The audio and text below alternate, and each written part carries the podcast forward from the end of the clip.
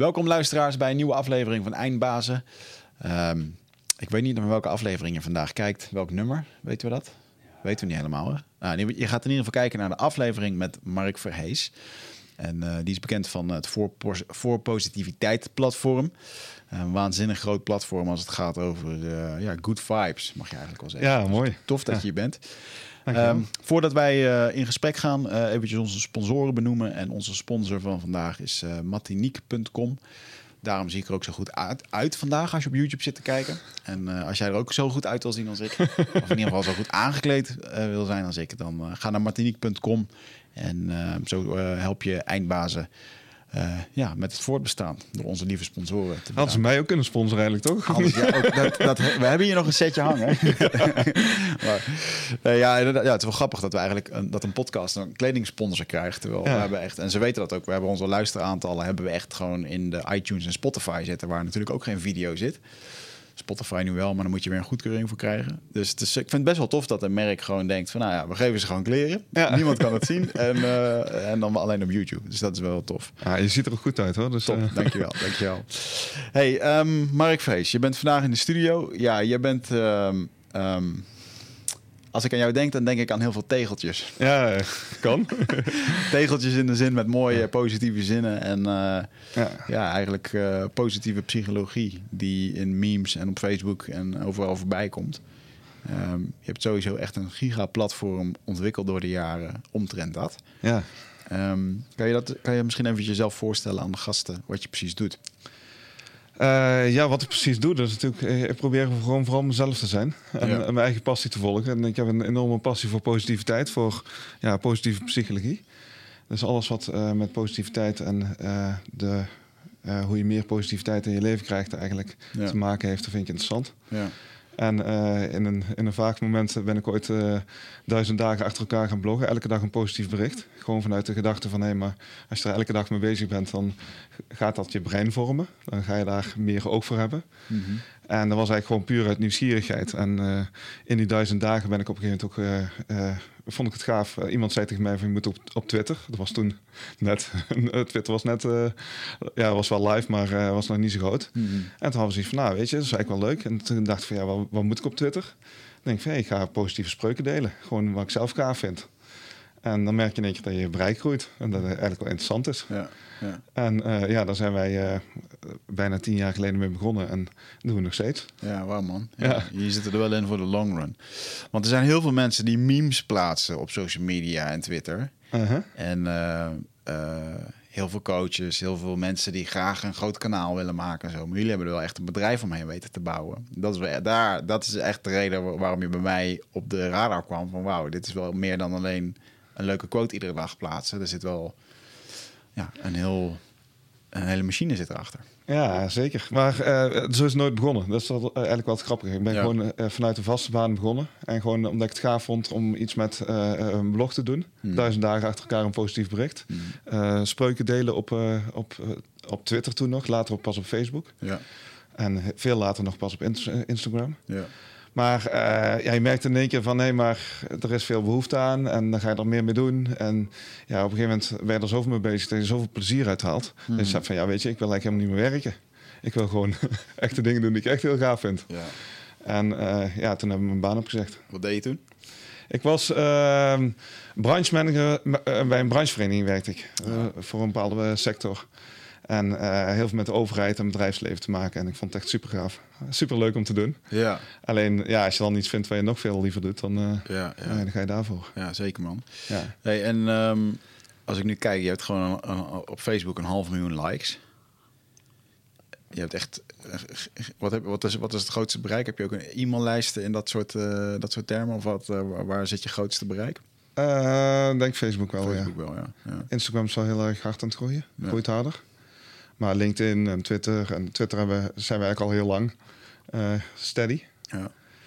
Maar ja, alles bij elkaar opgeteld bereiken in ieder geval aardig wat mensen op een dag. Ja, bizar, want je, je, Ja. je, je creëert als het ware onwijs veel content die ook echt deelbaar is. Ja. Dus als ik een foto van mezelf post, dan, dan zullen mensen dat niet zo snel herposten. Of er moet echt goed verhaal bij staan. Ja. Maar ik merk ook gewoon dat dat soort uh, de goede spreuken of goede vibes of de wijze dingen, die, uh, die doen het goed. Ja, en dat is wel iets waar je natuurlijk, uh, omdat je er al tien jaar mee bezig bent, ja. uh, ben je er dus wel verdedigd mee bezig om die spreuk ook echt gewoon goed te maken. En we, we meten ook alles. Dus we kijken ook alle, echt wel wat populair is, wat er aanspreekt. Ja. En uh, daardoor ontwikkel je je daar ook in. Ja, dus ja, dus als je ergens langer mee bezig bent, word je er ook beter in. Ja. ja, en om daar nog eventjes op terug te komen. Want je zei, ik vond het interessant voor mijn brein om hè, dan die post te doen, een jaar lang dat te doen. want dan gaat je brein zich daar ook naar vormen. Um, had je dat nodig op dat moment in je leven? Uh, nou, het, het, bijzondere was eigenlijk uh, voor positiviteit is ontstaan na het overlijden van mijn schoonvader. Plotseling overlijden, een hartstilstand. En ik op mijn werk zat en uh, gewoon, gewoon een drukke werkdag had. En in één keer echt uit, uit die werkdag getrokken werd. En ja, mijn leven in één keer stilstond. Voor mij was het heel heftig. Mm -hmm. En ook in de periode kwam dat... ja, je stapt in een periode van rouw en verdriet. En uh, op een gegeven moment werd het aan mij gevraagd van... Goh, kun je iets vertellen eh, bij de uitvaart over je schoonvader? En toen had ik van, oh, dat vond ik best wel heftig. Dat is het hmm. principe van COVID natuurlijk. Van, wat wil je dat er aan het einde van je leven over je verteld wordt? Ja. Ik dacht in één keer van, nee, maar ik moet de conclusie van iemands leven vertellen. Dat vond ik, ja, dat vond ik best wel een dingetje. En toen dacht ik van, ja, ik weet, ik weet totaal niet waar mensen over mij zouden gaan zeggen. Als ik, ik was toen ja, begin 40. Ja. Uh, ja, en ik wist totaal niet wie ik was. En dan vond ik eigenlijk wel een ja, schokkerende bewustwording eigenlijk. Ja. En denk ik zat van, nou, dan ga ik op zoek naar wie ik zelf ben. Ja. En uh, daarna op zoek gaan. Uh, dus in die zin was ik wel op zoek gegaan naar wie ik zelf was. En ik merkte dat positiviteit en positieve psychologie iets was wat heel erg bij mij past, waar ik energie van krijg. Ja. En waar ik graag mee bezig ben. En dus vanuit die verlangen eigenlijk uh, is het ontstaan. Alsof ik het nodig had. Ja, uh, ik denk dat het wel nodig is om voor jezelf überhaupt om op zoek te gaan naar, naar jezelf. Naar, op zoek naar de antwoorden in jezelf, zoals jij het al mooi in je mhm. boek omschrijft. Mm -hmm. um, en dat was bij mij ook nodig. En als je dat vindt, ja, dan ga je er graag mee verder. En ben je, um, ben je nu verder in de materie en weet je daadwerkelijk wat positief positiviteit doet met ons uh, plastische brein. ja, voor mezelf in ieder geval. En uh, natuurlijk ja, heel veel voor de luisteraars, weet je wat. Uh, ja. ja. wat positiviteit sowieso doet. Negativiteit zorgt voor focus. Zorgt dat je ergens heel veel aandacht voor hebt. En dat het ook heel veel impact op je, op je brein heeft. En positiviteit zorgt eigenlijk veel meer voor verbreding. Dus je bent ook veel sneller afgeleid op het moment dat je heel erg lekker in je vel zit. Hmm. Dus als je heel erg veel energie hebt ja, ik kan eh, op dagen dat ik heel erg veel energie heb, kan ik echt alles leuk vinden. Ja. Dan zit er ook geen touw, valt er ook geen touw aan vast te knopen. Dan, dan ga ik van hot naar her. Ja. En uh, vind ik alles leuk en ben ik overal voor te porren. En, uh, ja. Terwijl als ik minder lekker in mijn vel zit, dan, uh, ja, dan ben je maar met één ding bezig. Ja. En dat is wel iets wat belangrijk is, wat, wat positiviteit met je doet. En het interessante is eigenlijk als positiviteit en negativiteit elkaar raken, vind ik. Mm -hmm. Want heel vaak denken mensen van ja, positiviteit, je kunt niet alleen maar positief zijn. Dat is bij mij ook niet zo. Uh, ik vind het juist interessant om het negatieve uh, in verhouding tot het positieve te zien. Ja. En het negatieve niet positief te maken, maar het negatieve gewoon negatief te laten zijn. Hmm. En, en wanneer, raakt, wanneer raken positieve en negativiteit elkaar? Nou, uh, ja, eigenlijk de hele dag door. Ja, ik bedoel, in mijn leven vorig jaar twee, zowel mijn vader als mijn moeder overleden. Ja, hmm. dan, dan kan ik niet echt zeggen dat het positief is voor mij. Nee. En terwijl ik dan met, met mijn passie bezig ben en hartstikke lekker in mijn vel zit, ja, en gebeurt dat iets en dan raakt dat je. Ja. Uh, zoals uh, ja, afgelopen jaar heel veel dingen mensen geraakt hebben, denk ik. Ja. En is het dan lastig voor was of is het dan lastig geweest voor jou om uh, wat geef je dan meer aandacht? Hè? Want er zijn heel veel mensen die. Ik kreeg gisteren nog te horen van, van een hypnotherapeut die zei dat we 60 tot 80.000 gedachten per dag hebben. Negatieve gedachten. Uh, en 80% herhaal je iedere dag. Ja. Dat is veel. Bizar, hè? wat doe je zelf aan, hè? Ja, inderdaad. Maar is dat iets wat je, wat je, wat je beaamt, wat je herkent? In, uh... nee, ik weet niet, ik, ik, kan het niet tellen. Maar ik weet in ieder geval vanuit positieve psychologie. ik zit niet heel erg te tellen. Ik denk, ik heb zo vermoeden dat het met mij een andere verhouding is. Nee, ook, ja, oké, ja, ja. Maar... Um, of tenminste, dat kan haast niet anders. Vanuit de positieve psychologie zeggen ze eigenlijk van uh, om als mens goed te functioneren, mm -hmm. moet je ten opzichte van één negatieve emotie minimaal drie positieve emoties ervaren. Ja. Dus je hebt meer positieve emoties nodig om lekker in je vel te zetten. Ja.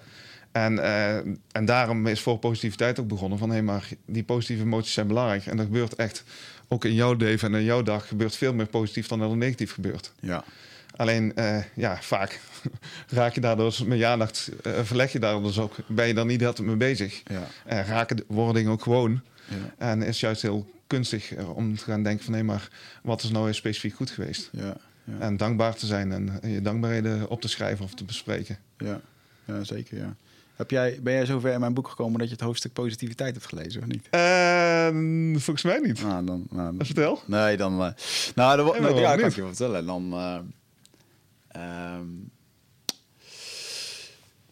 er was een avond dat ik... eh, ik kreeg dus iedere keer als ik dan die ayahuasca dronk... dan kreeg ik een hoofdstuk eh, waar het over ging. En vaak wist ik het thema nog niet, totdat ik Ah, dat dronk. nice. En, eh, heb je het wel eens gedaan of niet? Nee, ik ben wel nieuwsgierig Gaan we geworden, moet ik zeggen. Gaan we na de uitzending doen. Ja. Ehm, maar ehm, dus toen, toen dronk ik het. En toen zaten we dus in de heilige ruimte in een plek midden in de jungle. Eh, waar ik lange tijd verbleef. Ja, en ehm, eigenlijk om eh, ook te verwelkomen dat we daar waren, had het stamhoofd gezegd van nou, we komen hier gewoon heen met een aantal mensen en dan gaan we hier een ceremonie doen met z'n allen. En daarna zou ik daar echt alleen zitten. Ze zaten daar met een mannetje of dertig. En ehm, ja, dan drink je dus net dat drankje. En op een gegeven moment eh, gilde er iemand achteruit het bos. En dat was op het moment dat wij even in stilte zaten en te wachten totdat het inwerkt. Mhm. Maar je zit gewoon in een levend oerwoud. En eh, dus op een gegeven moment gilde er iemand. En al die gasten die stoven op, pakten machetes en stokken, werd een geweer gehaald. En eh, werd een grote slang werd toen afgeschoten. Iedereen stond scherp. En iedereen stond scherp. Maar moet je je voorstellen dat jij net eh, gewoon ja, wereld, werelds zwaarste psychedelica hebt genomen. En je weet gewoon dat er 10 meter verder eh, een slang rondkroopt die 2 meter groot was. En gewoon eh, een volwassene kan, dood, eh, kan doden met gif. Dus het was echt een eh, mega relaxed vibe om daar eh, verder te gaan. Maar die, en die gasten die liepen ook gewoon terug alsof ze net een potje hadden gevoetbald. En toen gingen ze weer zitten. En toen... ehm, Terwijl jij nog eigenlijk in die, in die schrikreacties zat. ja, ik zat echt nog van. Ik zat, en, en ik wist toen al van ja, het gaat vanavond over positiviteit. Eh, en toen dacht ik al van ja, fuck, hoe, hoe dan, weet je? Want Ja. die, die, die, die slang, ik vond het ook gewoon niet eerlijk dat het een soort van was gebeurd. Zo ga je dan nadenken. En, ehm, dus ik zat er onwijs tegen te vechten. En ehm, eh, het gaat, gaat dan natuurlijk ook met een eh, hoop overgeven en doen. En, eh, dat, maar Mhm. uiteindelijk toen eh, ben ik dus de, de bosjes ingedoken om over te geven. Dat ik er echt op mijn handen en knieën zat. Dat ik gewoon niks anders meer kon. En dat je gewoon echt Mhm. het, binnenste uit je lichaam eh, kotst. En eh, dat ik dus rond zat te kijken. Maar je hallucineert natuurlijk. En dat ik op een gegeven moment een soort fluoriserende slang... die zag ik over de grond heen kruipen. Echt gewoon als het ware alsof je een slang getekend ziet. En zo'n Mhm. witte, ja, gewoon witte fluor, eh, het geraamd als het ware. En die... eh, Heel echt. ja, heel echt. En die, eh, je weet wel dat het een visioen is, maar goed, dan nog. En die, die maakt allemaal bijtbewegingen naar me. En ik begreep niet waarom, maar ik lag daar wel een soort van slachtoffer te wezen. En toen, ehm, toen liet het me, zi- me zien dat het mijn ne- negatieve gedachten aan het aanvallen was. Oh. Dus die, eigenlijk was die slanger was er om een soort van daarvan te helpen, weet je wel. Dat, en dat, eh, eh, hoe snel de negatieve gedachten ze het allemaal kunnen overnemen. Want ja, Ja. die angst die was niet meer nodig. Ik bedoel, die slang was al lang dood en eh, het zat alleen maar in mijn hoofd. Dus de negativiteit waar ik dan echt in kan hangen. En dat is wel echt een, een uitdaging voor me soms om daar niet, nou net wat je zegt, om Mhm. daar niet te veel op te focussen. Dus eh, ehm, ja, en dat, dat één ding voor positiviteit wat heel belangrijk is, is gewoon hoop. Ja, Hoop, weet je, want het komt altijd goed. ja, het zal altijd veranderen. Ja, en ehm, toevallig, dus eventjes om, om een zijpad te- te maken, zat ik vorige week, in een, twee weken geleden in een tipi. En toen had ik een beetje gemicrodosed. Dat betekent dat je een klein beetje pakt, maar dat je wel in die realm komt, maar niet... Uh. En toen had ik een, eh, toen zei dat medicijn iets heel moois tegen me. En die zei, ehm, gaat ook een hoofdstuk worden in mijn nieuwe boek. Dat heb ik al wel dan opgeschreven. Ehm, alles leidt tot iets beters. Dus eh, minister-president die staat te liegen, prima. Laat dat, laat dat vertrouwen maar wankelen. Op een gegeven moment wordt, die wordt er een nieuwe Ja. gekozen, omdat dat wankelt, weet je wel. Eh, bijvoorbeeld het, het, het overlijden van jouw vader. Je, je hebt net besproken Ja. hè, dat je, je hebt een hele mooie maand gehad. Ja. Dus uiteindelijk, het geeft je ook wat. Ondanks dat het verschrikkelijk is dat het je wordt afgenomen, weet je wel. En, en voor jouw vader, eh, even heel sec gezegd... die krijgt te horen dat hij alvleesklier, alvleesklierkanker heeft. en gaat uiteindelijk dood. Maar ermee leven met een ziek lichaam kan ook niet. Nee. Weet je? Dus als je, het is wel net hoe dat je er naar kijkt. Maar uiteindelijk, alles wat er gebeurt, leidt tot iets beters. En ik Ja. vond dat zo'n. Ik heb er echt heel lang op gezeten. Maar ik vond het echt een hele diepe. Maar dat is echt zo'n fijne overtuiging, toch? Ja, Als je daarvan overtuigd bent ja, en eh, als je daarin durft te geloven, ja, ja, dat is echt gewoon, weet je, dan kom je overal uit. ja. ja is ook wel, is ook- het is ook wel heel eng in momenten. In de zin van. eh, Ja, maar het, het bijzondere eigenlijk van die slang vind ik, eh, van, alsof je probeert te vechten tegen negatieve emoties. En dat is gewoon eigenlijk wel zonde. ja, ja, Want dat- ja, eh, waarom zou je er tegen vechten? ja. Ja, want hoe ga jij ermee om dan? Ja, gewoon laten zijn. Ja, Gewoon laten zijn. Ik bedoel, ik vind het niet fijn dat mijn paard te horen krijgt dat hij doodgaat. nee. En dan mag ik ook om huilen. Dan mag Mhm. ik ook verdriet om hebben. En ja, en een half uur later ben ik aan het, aan het lachen en dan ben ik plezier aan het maken. Ja, Maar eh, het mooie was eigenlijk toen mijn pa eh, te horen had gekregen dat hij... eh, ik zat naast hem toen hij te horen had gekregen van ja, je bent niet te genezen. Viel er echt zo'n hele lange stilte. En dat je pa dan op een gegeven moment vraagt van... ja, maar wat betekent dat voor mijn levensverwachting?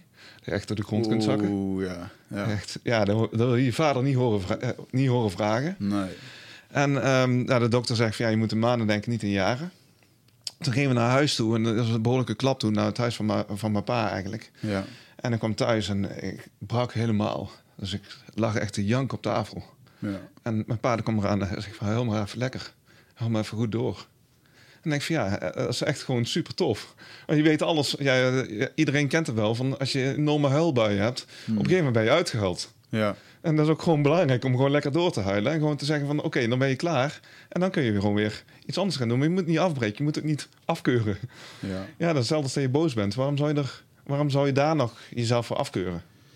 Ja, nou ja, het is wel echt een... eh, als je die emoties op gaat kroppen, dan... eh, Ja, dus ik kan veel beter eruit gaan en veel beter, veel beter de tijd ervan nemen. En het bijzondere was eigenlijk van diezelfde dag, eh, 24 november, afgelopen 24 november, ehm, was onze, eh, zakelijk gezien, onze beste dag ooit. En niet een beetje, maar echt ver weg de beste dag. En dan kreeg ik dus s'avonds te horen van mijn vrouw van dat het zo was. En ik had echt ja, interesseer me echt geen fluit. En dus ik zei tegen mijn pa, van, ik zeg van, het is zo bizar. Krijg jij vandaag te horen dat je niet lang meer te leven hebt? En tegelijkertijd hebben wij onze beste dag ooit. Maar echt, ik zou het zo graag willen inruilen. Zo Ja. ongelooflijk graag willen inruilen. ja, ja, En dan zegt hij, ja, maar Mark, dat kan helemaal niet. Je moet het niet willen inruilen. Je moet gewoon echt hartstikke blij zijn dat gewoon zakelijk gezien zo'n succes is en dat het goed gaat. En daar moet je ook trots op zijn. Ik ben er hartstikke trots op dat je het zo goed doet. En dat je gewoon van betekenis bent voor veel mensen. Ik ben er hartstikke trots op. En s'avonds was hij tegen mijn broer aan het vertellen, was hij tegen mijn broer aan het vertellen, dat wij zo'n goede dag hadden gehad. ja. Zakelijk gezien. Ja. Ja, en eh, wat hij eigenlijk zei is van... eh, ik kon er op dat moment niet voor openstaan, dus ik wilde het inruilen. Mhm. Maar eigenlijk zei hij tegen mij van... ja, maar eh, eh, je mag best verdrietig zijn. Eh, het is logisch dat je pijn hebt om, om mijn boodschap die je te horen hebt gekregen. Maar alles wat er goed gaat, daar mag je ook gewoon voor openstaan. Ja. En dat is echt, weet je, dat vind ik echt zo'n mooie wijsheid. Ja. Maar je bent zo snel geneigd om dan gewoon in dat negatieve te blijven zitten... en al het positieve maar gewoon van je af te duwen. Ja. Ja, terwijl eigenlijk gewoon de uitdaging zit van... hé, maar laat het negatieve er gewoon zijn... en eh, durf jezelf ook open te stellen voor positieve dingen. En Ja. dat is ook, ja, weet je, dat is ook als iemand overleden is... durf tegen jezelf of durf tegen anderen te zeggen dat het eigenlijk best goed met je gaat. Mhm. Ja, dat is best wel een raar iets als iemand net overleden is. Mijn, mijn moeder is vorig jaar ook overleden. Ja, durf dan tegen anderen te zeggen... ja, nee, het, eigenlijk gaat het best wel goed. Ja. Alsof je bijna het schuldgevoel krijgt van... van nee, maar laat ik dan wel genoeg zien dat ik van ze hou. Of van, gehouden, van ze gehouden heb. Ja. Ja, dat is echt gewoon onzin. Want het heeft er niks mee te maken. Ja. Nou, ik denk sowieso dat wij in Nederland... Ik vind dat wij een hele aparte cultuur hebben als het gaat om eh, rouwen en Ja. begrafenissen. en dingen. Zeker. Ik bedoel, eh, als je in Suriname kijkt of uh, Dominicaanse Republiek, hoe daar een begrafenis gaat. Het is gewoon dat mensen echt inderdaad ofwel hysterisch kunnen huilen of dansen. Of, uh, maar wordt wel echt met Ook emotie, af, ja, Ja. Met, emotie, met emotie afscheid Ja. genomen. En hier ook echt allemaal in zwarte kleding. En nou, dat is dan wel, dat is wel wat heel oud, maar hè, eventjes heel chargerend. Ja, wij, we hebben dat dus echt gewoon totaal niet gedaan. Zowel bij mijn moeder niet als bij mijn vader niet. We hebben bij, zowel bij mijn moeder als bij mijn vader hebben we op de uitvaart... hebben mijn broer en ik samen naast elkaar gestaan. En hebben gezegd over waar we, waar we zo dankbaar voor zijn geweest. Ja, En de waarden die ze ons hebben meegegeven, Ja. hebben we over verteld. ja, Ja, dat is echt gewoon fantastisch om te doen. Want dan maak je jezelf ook bewust van... nee, maar ja, wat hebben ze allemaal voor je gedaan? ja, Ja, dat is echt... Ik heb gewoon geluk gehad met f- fantastische ouders. Ja, weet je, dat wil ik ook heel graag uitdragen. Ja. Dus je, je hebt echt een maand lang afscheid kunnen nemen van, Ja. je, van je vader. Kan je, kan je eens beschrijven hoe dat, uh, hoe dat in zijn werk ging? Ja, het begon eigenlijk al van toen we thuis waren. Dus ik lag even te huilen op de, op de tafel, flink te huilen. En daarna kwam mijn vrouw en mijn broer en de vrouw van mijn broer en de kinderen. Waren met z'n zevenen bij elkaar.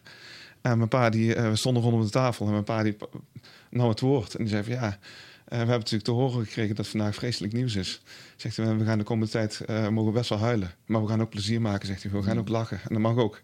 We mogen ook echt lachen. Ja. En we gaan herinneringen ophalen. We gaan leuke dingen doen samen. En daarmee zet hij meteen de toon eigenlijk voor hoe dat wij die, die afgelopen, die laatste maand hebben beleefd. Dus we hebben heel veel uh, uh, foto's erbij gehaald. Oude dia, de oude dia-projector. Hmm. Um, want één ding wat, we, wat, ik zelf heel gaaf vond, we, mijn pa had helemaal zo'n fotowand met, met foto's van, van zijn gezin eigenlijk, van zijn vrouw en uh, van, van, van, mijn moeder dus en van mijn broer en zijn gezin. En, ja, er stond, en er stond één andere foto tussen van twee nichtjes van mij met mijn moeder. En ik had echt zoiets van, hè, wat is dat wel bijzonder dat, hij, dat hij die foto daartussen gezet heeft. Want dat was eigenlijk gewoon een heilige wand ongeveer. Ja. En toen dacht ik van, ja, maar hij vindt het gewoon heel erg leuk om gewoon foto's te zien met herinneringen. Ja. En toen dacht ik van, nee, maar daar hebben we iedereen opgeroepen die ons paar kent. Van, we hebben vreselijk nieuws gehoord. Maar eh, alsjeblieft, we hebben nog een, een, een korte tijd. Dus als je het leuk vindt, stuur een, een, een kaart via Greets of Hallmark. Uh, uh, scan een foto in van, van jou en mijn pa en, en deel herinneringen. Ja. En stuur die kaart op. Nou, echt. Mooi. En zeven kaarten heeft mijn pa gekregen. Dus op een gegeven moment waren die foto's op die wand waren helemaal niet meer van ons. Er stonden allemaal kaarten, allemaal foto's. en allemaal, allemaal, allemaal mooie herinneringen. En dan kwamen mensen kwamen op bezoek bij mijn pa. En Mark, pak die kaarten nog eens bij. En dan ging hij foto's van, van die zwart-wit kaarten. Van heel, van heel vroeger, pakte hij erbij. En liet hij dan zien. En dan ging ze hele gesprekken over voeren. Echt gewoon een hele leven herbeleefd eigenlijk. En dat was echt fantastisch mooi. Mooi man. Ja. Ja, cool. En zelfs tot het einde toe, mijn pa was heel erg van... nee, maar je moet zelf initiatief blijven nemen, je moet zelf plannen blijven maken. Dus ook, ook naar het einde toe, hij had op een gegeven moment heel sterk van, eh, in de gaten van... nou, weet je, het wordt... ja, ik ben naar mijn einde toe aan het werken. Ja. En uh, hij wilde eigenlijk graag euthanasie, maar dat was rond kerst was dat heel moeilijk te regelen. Uh, dus dan had hij van, nou, dan doen we, doen we sedatie, palliatieve sedatie. Wat is dat? Ja, dat is eigenlijk, dan krijg je een... Uh, als je echt in de laatste twee weken van je leven zit, krijg je dan een, uh, een, een, slaapmiddel waardoor je in slaap gebracht wordt. En oh, je, waarvan de bedoeling is dat je niet meer wakker wordt. Ah ja, en dan kan je zelf sturen of zo. Ja, dat moment kun je zelf sturen, maar een dokter geeft daar niet zomaar toestemming voor. Dan moet je wel echt in je eindfase zijn. En um, ja, dan, dan, dan lig je alleen maar te slapen. Dus dat is vervelend voor de nabestaanden vervelend. Die mm. moeten er dan bij blijven. Mm. Maar degene die uh, doodgaat, die, dan kun je nog enigszins registreren wanneer je, wanneer je zo'n spuitje wil. En je eens in ja, gaat slapen. Heftig, als voorbereiding van je, van je dood. Ja. Ja, en op zich was ja, dat is heel heftig, zeg je. Maar van de andere kant was het ook heel mooi. Want mijn pa heeft in volle bewustzijn tot het laatste moment gewerkt. Ja. En ook de echte dingen gedaan die hij zelf heel graag wilde doen. Hij wilde heel graag nog een nummer luisteren. Dus het laatste wat we gedaan hadden. Eh, een nummer uh, waar ik uh, de ene hand van mijn pa vasthield en mijn broer de andere hand. En dan aan zijn bed staat en dan een nummer luisterde. En hij fluisterde van, ja, jeetje, we zijn jullie sterk, zei hij. We zijn hmm. echt trots op jullie. Fuck man, mooi. Ja, weet je, dat is, dat is echt super tof als je dat van je, van je pa hoort aan het eind van zijn leven. Ja. ja, mooi dat je dat hebt kunnen geven ook. Ja, en we hebben echt gewoon een waanzinnig mooie tijd gehad. We, echt, wij, ja, we hadden er eh, was heel veel gebeurd in die tijd. Want we hadden in november hadden we ons huis verkocht in Nijmegen. En we hadden al bedacht van, weet je, wij, zijn zelfstandige ondernemers, online ondernemers. Wij kunnen overal werken. Hmm. Dus we van, nou weet je, we, we, zien wel waar we gaan, gaan zijn. We hebben een nieuwbouwhuis wat volgend jaar wordt opgeleverd. Dit jaar dus op, wordt opgeleverd. Maar er zat in ieder geval nog een tijd tussen. Hmm. En toen werd mijn pa ziek. En zijn van, nou, toen zijn we tegen mijn pa van, nou, dan komen we bij jou wonen gaan voor jou zorgen. Ja, te gek. En uh, half december zijn we bij hem ingetrokken. En uh, hebben we gewoon de laatste, hebben we gewoon echt gewoon fulltime bij hem geweest. En dat was echt gewoon, ja, dat was waanzinnig. Fantastisch, man. Ik ben dan ook echt iemand die dan ook gewoon op zo'n moment gewoon echt al mijn werk uit mijn handen laat vallen. En weet je, mijn prioriteit gewoon duidelijk maak. Ja. En ja, weet je, dat vind ik echt gewoon.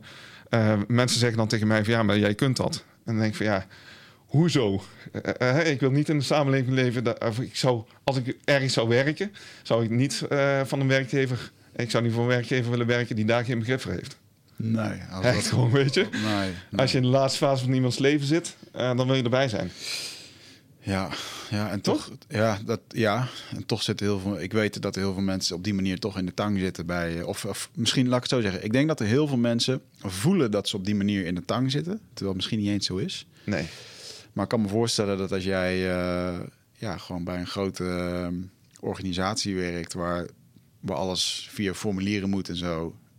Ja, dat dat voelt alsof dat niet kan. En misschien ook niet kan in sommige gevallen. Ja, maar je, je denkt heel snel dat het niet kan, hè? Ja, ik, maar ja, laten we een beetje de menselijkheid erin eh, houden, inderdaad. Ik bedoel, Ja. ja, en ik herken zeker wat je zegt. De, dit soort situaties, dan... Vraagt om duidelijke keuzes. Ja, man, ja, ja. Weet je, ik heb twee weken geleden belde mijn moeder op. Op, dinsdag, op dinsdag. Zei ze, joh, Wigert, eh, vind je het erg als ik donderdag eh, niet kom oppassen op de kleine? Want ik kan nu niet naar de Mhm. gastouder en ik had twee podcastopnames. Dus nou ja, is wel vervelend, want ja, ik heb natuurlijk wel die podcastopname. Maar wat is er dan? Zei, Ja, ik heb net te horen gekregen dat ik borstkanker heb.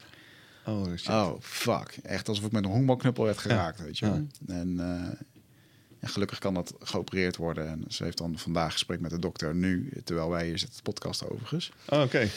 Dus ehm, we krijgen vandaag te horen wat, ehm, ja, wat de ingreep gaat worden. ja. Ehm, maar goed, één dag opname en een hele goede kans. Dus, eh, dus dat daar, ben ik heel, daar ben ik al heel dankbaar voor. Ja, En dan ook weer eventjes op die zin van... alles leidt tot iets beters. Ik bedoel, Ja. het feit dat het nu geconstateerd is... en dat ze het heeft, betekent dat we gelukkig te vroeg bij kunnen zijn. ja. Weet je? Oké, dus het, dat erachter komen leidt dus tot iets beters. En, eh, maar ik, ik, ik voel wel, ik voelde toen ook echt van... ja, fuck man, ik kan... Ik heb ook al die dingen toen afgezegd, want ja... Ja. Maar ook te grappig hè, dat mijn, dat mijn moeder dan aan mij eh, toch een soort van druk voelt van... hé, hey, maar ja, ehm, vind je het erg als ik niet kom oppassen? Ik zei, nou, maar wat, wat, wat is er dan? Weet Ja. je wel? Zij zei, ja, ik heb net horen gekregen boskanker. No shit. Ja, ja. boeien, weet je. Dat je niet... je. Ik ben gaan even leuk. Dus ik ben lekker naar haar toe gegaan Ja. in plaats van... eh, en dat, ja... ehm, ik, eh, ja, dat is gewoon hetgeen wat je dan moet doen. Ja, maar dat is als je dus als je met, met dat soort dingen te maken krijgt, en, en zeker in mijn geval met, met mijn moeder en mijn vader eh, met de dood te maken krijgt, van je weet je, eh, ja, aan het einde van je leven telt vooral van voor wie ben je er ge- geweest en eh, Ja. wat heb je betekend voor die persoon. Ja, En dat is het allerbelangrijkste. ja, ja zeker. En dat is een podcast wel echt super gaaf om te doen, maar niet het allerbelangrijkste. Nee, zeker niet. Nee, dat valt dan allemaal net niet inderdaad. Ja. En, maar dat was natuurlijk ook met eh, ja, die, die beste verkoopdag, dat eh, valt natuurlijk ook in het niet. Mm, Dus ik ben er ook wel blij mee dat het was. Maar mm, van de andere kant, ja, weet je, het viel toch in het niet. ja. En, en hoe heb je het moment eh, ervaren voor jezelf dat je vader daadwerkelijk zijn laatste adem uitblies? Eh, ja, het bijzondere was eigenlijk, dus hij kreeg een spuitje. Mhm. En ehm, eh, ze, ze zei van ja, dan gaat hij slapen en binnen, eh, binnen 10 minuten zal hij slapen. En we wisten dan dat hij niet meer wakker zou worden. Nou, hij was echt gewoon 30 seconden later. Was hij, hij sliep gewoon. Dat was klaar. ja. En er was een nieuwe fase aangebroken. En toen was echt een fase waarop hij, ja, dan, dan slaap je echt. En dan ben je ook echt totaal geen bewust. Ik had ook echt het gevoel alsof zijn ziel zijn lichaam verlaten had. Oké. En eh, ja, toen was het eigenlijk al mijn pa niet meer, Ja. voor mijn gevoel. Oh, mooi. En ehm, ja, dus in die zin was dat, eh, heeft toen drie dagen nog in sedatie gelegen. Dus echt liggen slapen. Hmm. En eh, ja, toen, ja, dat is een periode van, van, van tussen, een tussenpauze eigenlijk. Hij is nog niet dood, maar ja, je zult hem nooit meer zien. Ja. Eh, Zo'n fase. En dan voeren ze dan eh, dat spul op wat, eh, wat ze erin hebben Nee, gesproken? het lichaam moet zelf opgeven. Oh, wauw. Ja. En dat is op zich ook wel weer goed eigenlijk. Ja. Maar ehm, ze houden hem wel in slaap, maar Ja. het lichaam moet zelf opgeven. En, mijn pa was blijkbaar zo sterk nog dat hij, dat hij dat nog drie dagen volgehouden heeft. Ja. Ja, hij was, hij was een hele, fit, hele fitte man. Totdat hij alvleesklierkanker kreeg. Dus hij, Ja. ja. hij, hij heeft heel lang, eh, drie jaar lang met mijn broer op de bouw gewerkt. Eh, mijn broer was een bouwen. Elke dag daar op de stijgers gestaan. Dus ja, mijn pa was gewoon een hele fitte man. Ja. Ja, dus zijn hart en zijn, en zijn, zijn, zijn lichaam en zijn spieren waren gewoon sterk. Dus ja, Ja, alleen zijn, eh, zijn hield hem op. Hmm. Heftig, man. Ja, maar ja, that- that's life, hè? Ja. In- die zin denk ik, wat je heel mooi zei van... Ja, hoe gaan we in Nederland met rouw om? Het hoort wel echt bij het leven. Ja. En het, ja, weet je, we weten allemaal dat we een keer doodgaan. Eh, dus we moeten er ook niet ja, heel spastisch of moeilijk om gaan doen. Ja. Ja, ja, ja. En eh, ja, het ook gewoon omarmen zoals het is. Ja. En ik geloof ook heel erg wat je heel mooi zegt: van alles leidt tot iets beters. En dat is echt bij, me, eh, ja, bij de dood van, mijn, van mijn, zowel mijn ma als mijn pa, kan ik zeggen dat ik daardoor alweer heel, heel anders in het leven sta. En Ja. veel beter en veel sterker in het leven sta. Ja. En echt tot iets beters leidt. Ja, mooi. En als je dan nu ehm, ehm, terugkijkt op de, eh, de ervaring met je, met je vader, hè, dan eh, heb je dan een- voor jezelf een ander beeld gec- gecreëerd waar die dan nu is of waar die. eh, ja, wat, wat is het na de dood? Daar, bij mijn pa heb ik het eigenlijk veel minder. Bij mijn moeder had ik het veel sterker. Hmm. Bij mijn moeder had ik echt, eh, dat is heel bizar, maar toen mijn moeder dood was, die is in één keer dus aan corona overleden. Dat was heel snel, eh, ja, ook, ook, we waren er wel bij overigens toen ze, over, toen ze doodging. Hmm. En ehm, eh, de dagen daarna, in eerste instantie één of twee dagen heel veel rouw. En de dagen daarna voelde ik me echt gewoon alsof ik zelf in de hemel was. Ik voelde me echt gewoon zo ontzettend, eh, ja, alles vibreerde in mijn lichaam. Hmm. En ik had het heel het idee dat ik met mijn moeder aan het praten was en eh, ze heel tijd bij me was en me steunde en Ja, ja, van eh, de liefde aan me gaf. Echt bizar. Ik voelde me echt zo kip lekker. Bizar. Ja, dat is echt. eh, en dat heeft ook.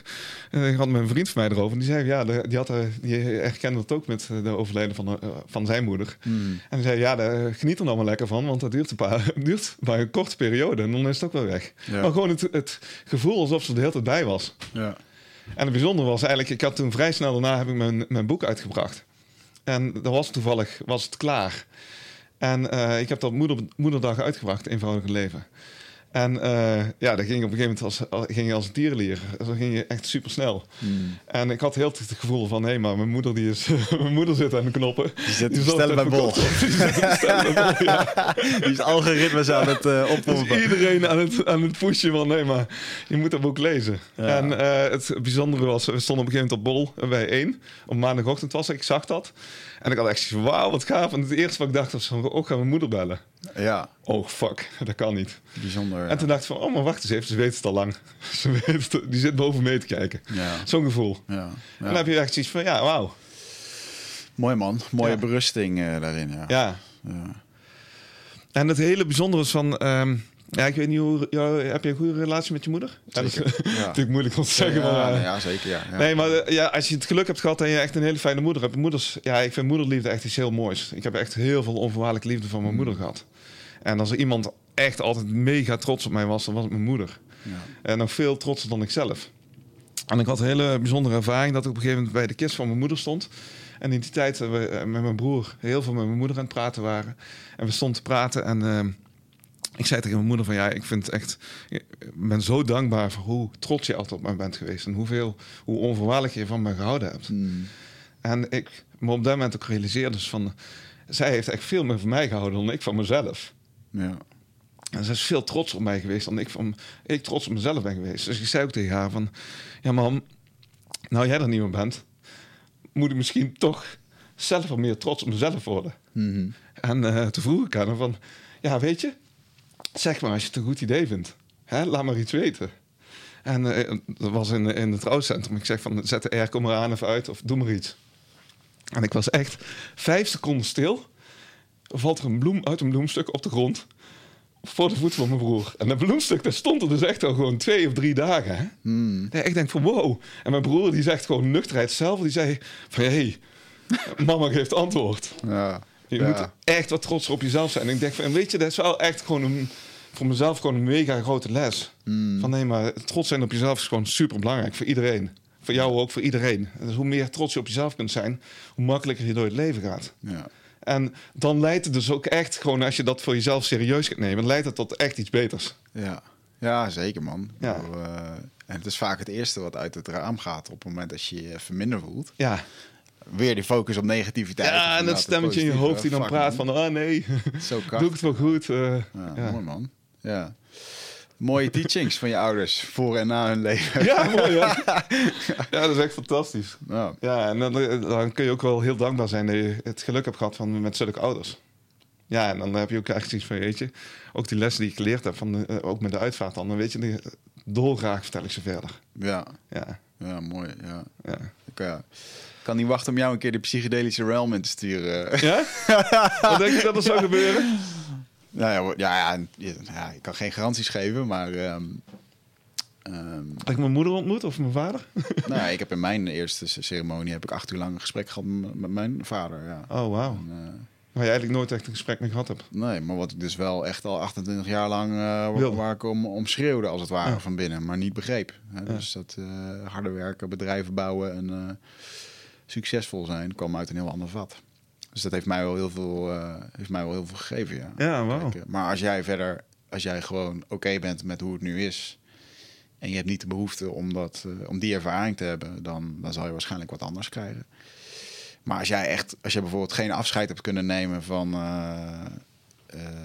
ik ken zoveel verhalen, jongen, van mensen die dat hebben gedaan, die, ja, die in een rouwproces zaten, maar die of heel boos waren of verdrietig of, of geen afscheid hebben kunnen nemen. Ik heb één vrouw, is me, is, goed- zal me altijd bijblijven. Die had een keertje een ceremonie waarbij ze een hele zware avond had, veel aan het huilen en aan het Uh-huh. schreeuwen soms ook. En die had in één avond intens, ja, die had in één avond had ze drie keer de dood van haar eigen kind eh, ervaren. Oké, ja, dat kan me En dat, en moest ze ervaren om, ja, om dat een plek te geven. En, te, Ja? en, eh, ja, dat is dan ook wel mooi dat zo'n vrouw dan de volgende dag ook gewoon zegt van ja, ik, eh, nu, pas nu kan ik het eh, begrijpen, een plek geven. En, ja, dus het is heel, heel lastig hoe dat zo'n plantmedicijn je de boodschap geeft. Ja.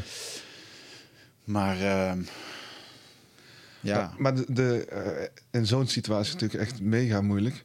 Maar in hoeverre kun je accepteren dat iets gebeurd is? Dat is wel echt gewoon de uitdaging, hè? Ook gewoon... Zeker, ja. Kijk, en, en ook daarna, ik bedoel, je kan wel zo'n ervaring hebben, eh, maar uiteindelijk, eh, ik bedoel, eh, ik had ook die ervaring en, en heeft me heel veel gegeven, maar ik merk nu nog steeds dat dat, dat vaderstuk is gewoon een grote wond in je ziel, die er nog steeds voor zorgt dat je op een bepaalde manier navigeert door het leven. Ja, maar het heeft je gevormd zoals je bent. Ja. Precies, ja. En dat, maar dat zit zo ontzettend diep in je. Ik bedoel, ja, dat, dat vormt je voor de rest van je leven. En ehm, dus ik, ik word nu nog steeds geconfronteerd met eh, nou, bijvoorbeeld dat gevoel van trots zijn op jezelf. Of, of, of niet. ehm, ja, misschien onzeker voelen over bepaalde dingen. En dan, ja, maar waarvoor, voor wie, Ja. weet je wel? En dan Ja. toch vaak voor, misschien wel voor een buitenwereld, omdat je eigenlijk gewoon graag dat schouderklopje van je pa had willen hebben. Mhm. En, eh, dus, ja, en zeker in de zwakkere momenten, dan, dan weet ik dat ik daar wel in zit. Ja, in dat, dan zit je, zit je eigenlijk in dat hele Ja. jonge kindstuk, wat gewoon graag gezien en geborgen wil worden. En dan heb je een soort volwassen versie van Wiggy die zegt van... nou, kom maar, het is nu wel klaar. Je moet, eh, eh, kom op, eh, we gaan, we gaan harder werken en dan voel je je beter. Terwijl, Maar terwijl jij diep in je kern weet van dat je niet die complimenten en die waardering en dat schouderklopje van je pa eigenlijk nodig hebt. ja, Maar je weet dat hij dat sowieso zou geven. ja, 100, ja, 100 Ja. Ja. dat is dan toch... eh, En in die zin, ik vind het, eh, het thema onvoorwaardelijke liefde, onvoorwaardelijke trots is natuurlijk super mooi. En ik probeer dat zelf, ik heb zelf geen kinderen. mhm. Maar eh, dus in die zin kan ik niet doorgeven naar mijn kinderen, maar eh, bijvoorbeeld naar mijn vrouw. Van hé, maar hoe kan ik, eh, hoe onvoorwaardelijk houd ik van haar? En hoe, onvoorwaardelijk houd ik van mijn broer en van de mensen om me heen? ja, En dat is best wel een interessante vraag. Ja. Want ja, eh, ik kan me best situaties in denken dat ik op, op een gegeven moment toch even iets minder van ze hou. ja. En een moeder eh, naar zijn zoon, en, eh, of andersom, of een vader naar een, een dochter, of andersom. Eh, ja, dat is toch heel anders. ja. Dat is toch veel onvoorwaardelijker nog. En terwijl onvoorwaardelijke liefde eigenlijk wel gewoon iets is wat we allemaal gewoon supergoed kunnen gebruiken. Ja, zeker. Ja, ik zie het met mijn moeder en mijn broer. Mijn broer die heeft wel eh, mentale uitdagingen van schizofrenie en autisme. Wow. En die is eh 40 nu. Of nee, ja, 40. En ehm, ja, joh, als het, als ik, ik- je moet mijn boek maar lezen om te zien waar we er min of meer doorheen zijn gegaan. Maar en dat, dat, dat, dat boek gaat me tot zover. Maar het is, het is natuurlijk nog steeds zo, hè, dat, eh, dat de, de- dat iemand die het gevecht wat hij iedere dag met zichzelf vecht en de wereld dus ook.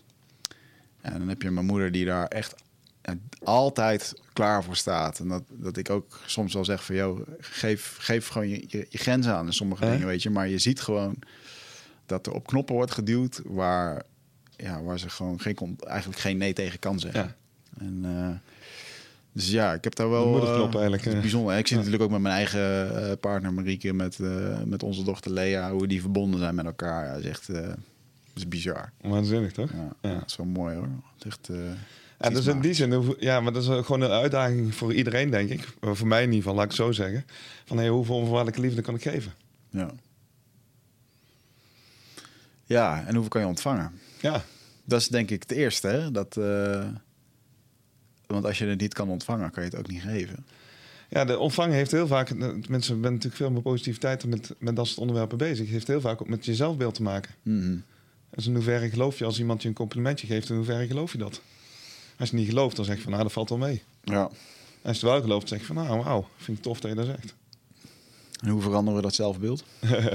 ja, bij mij werkt het heel goed om gewoon eh, goed de, de goede dingen tegen jezelf te zeggen. Met Mm. affirmaties en gewoon ook vaak je, jezelf een schouderklopje geven. En eh, zorgen dat je zelf in de goede energie zit. Ja.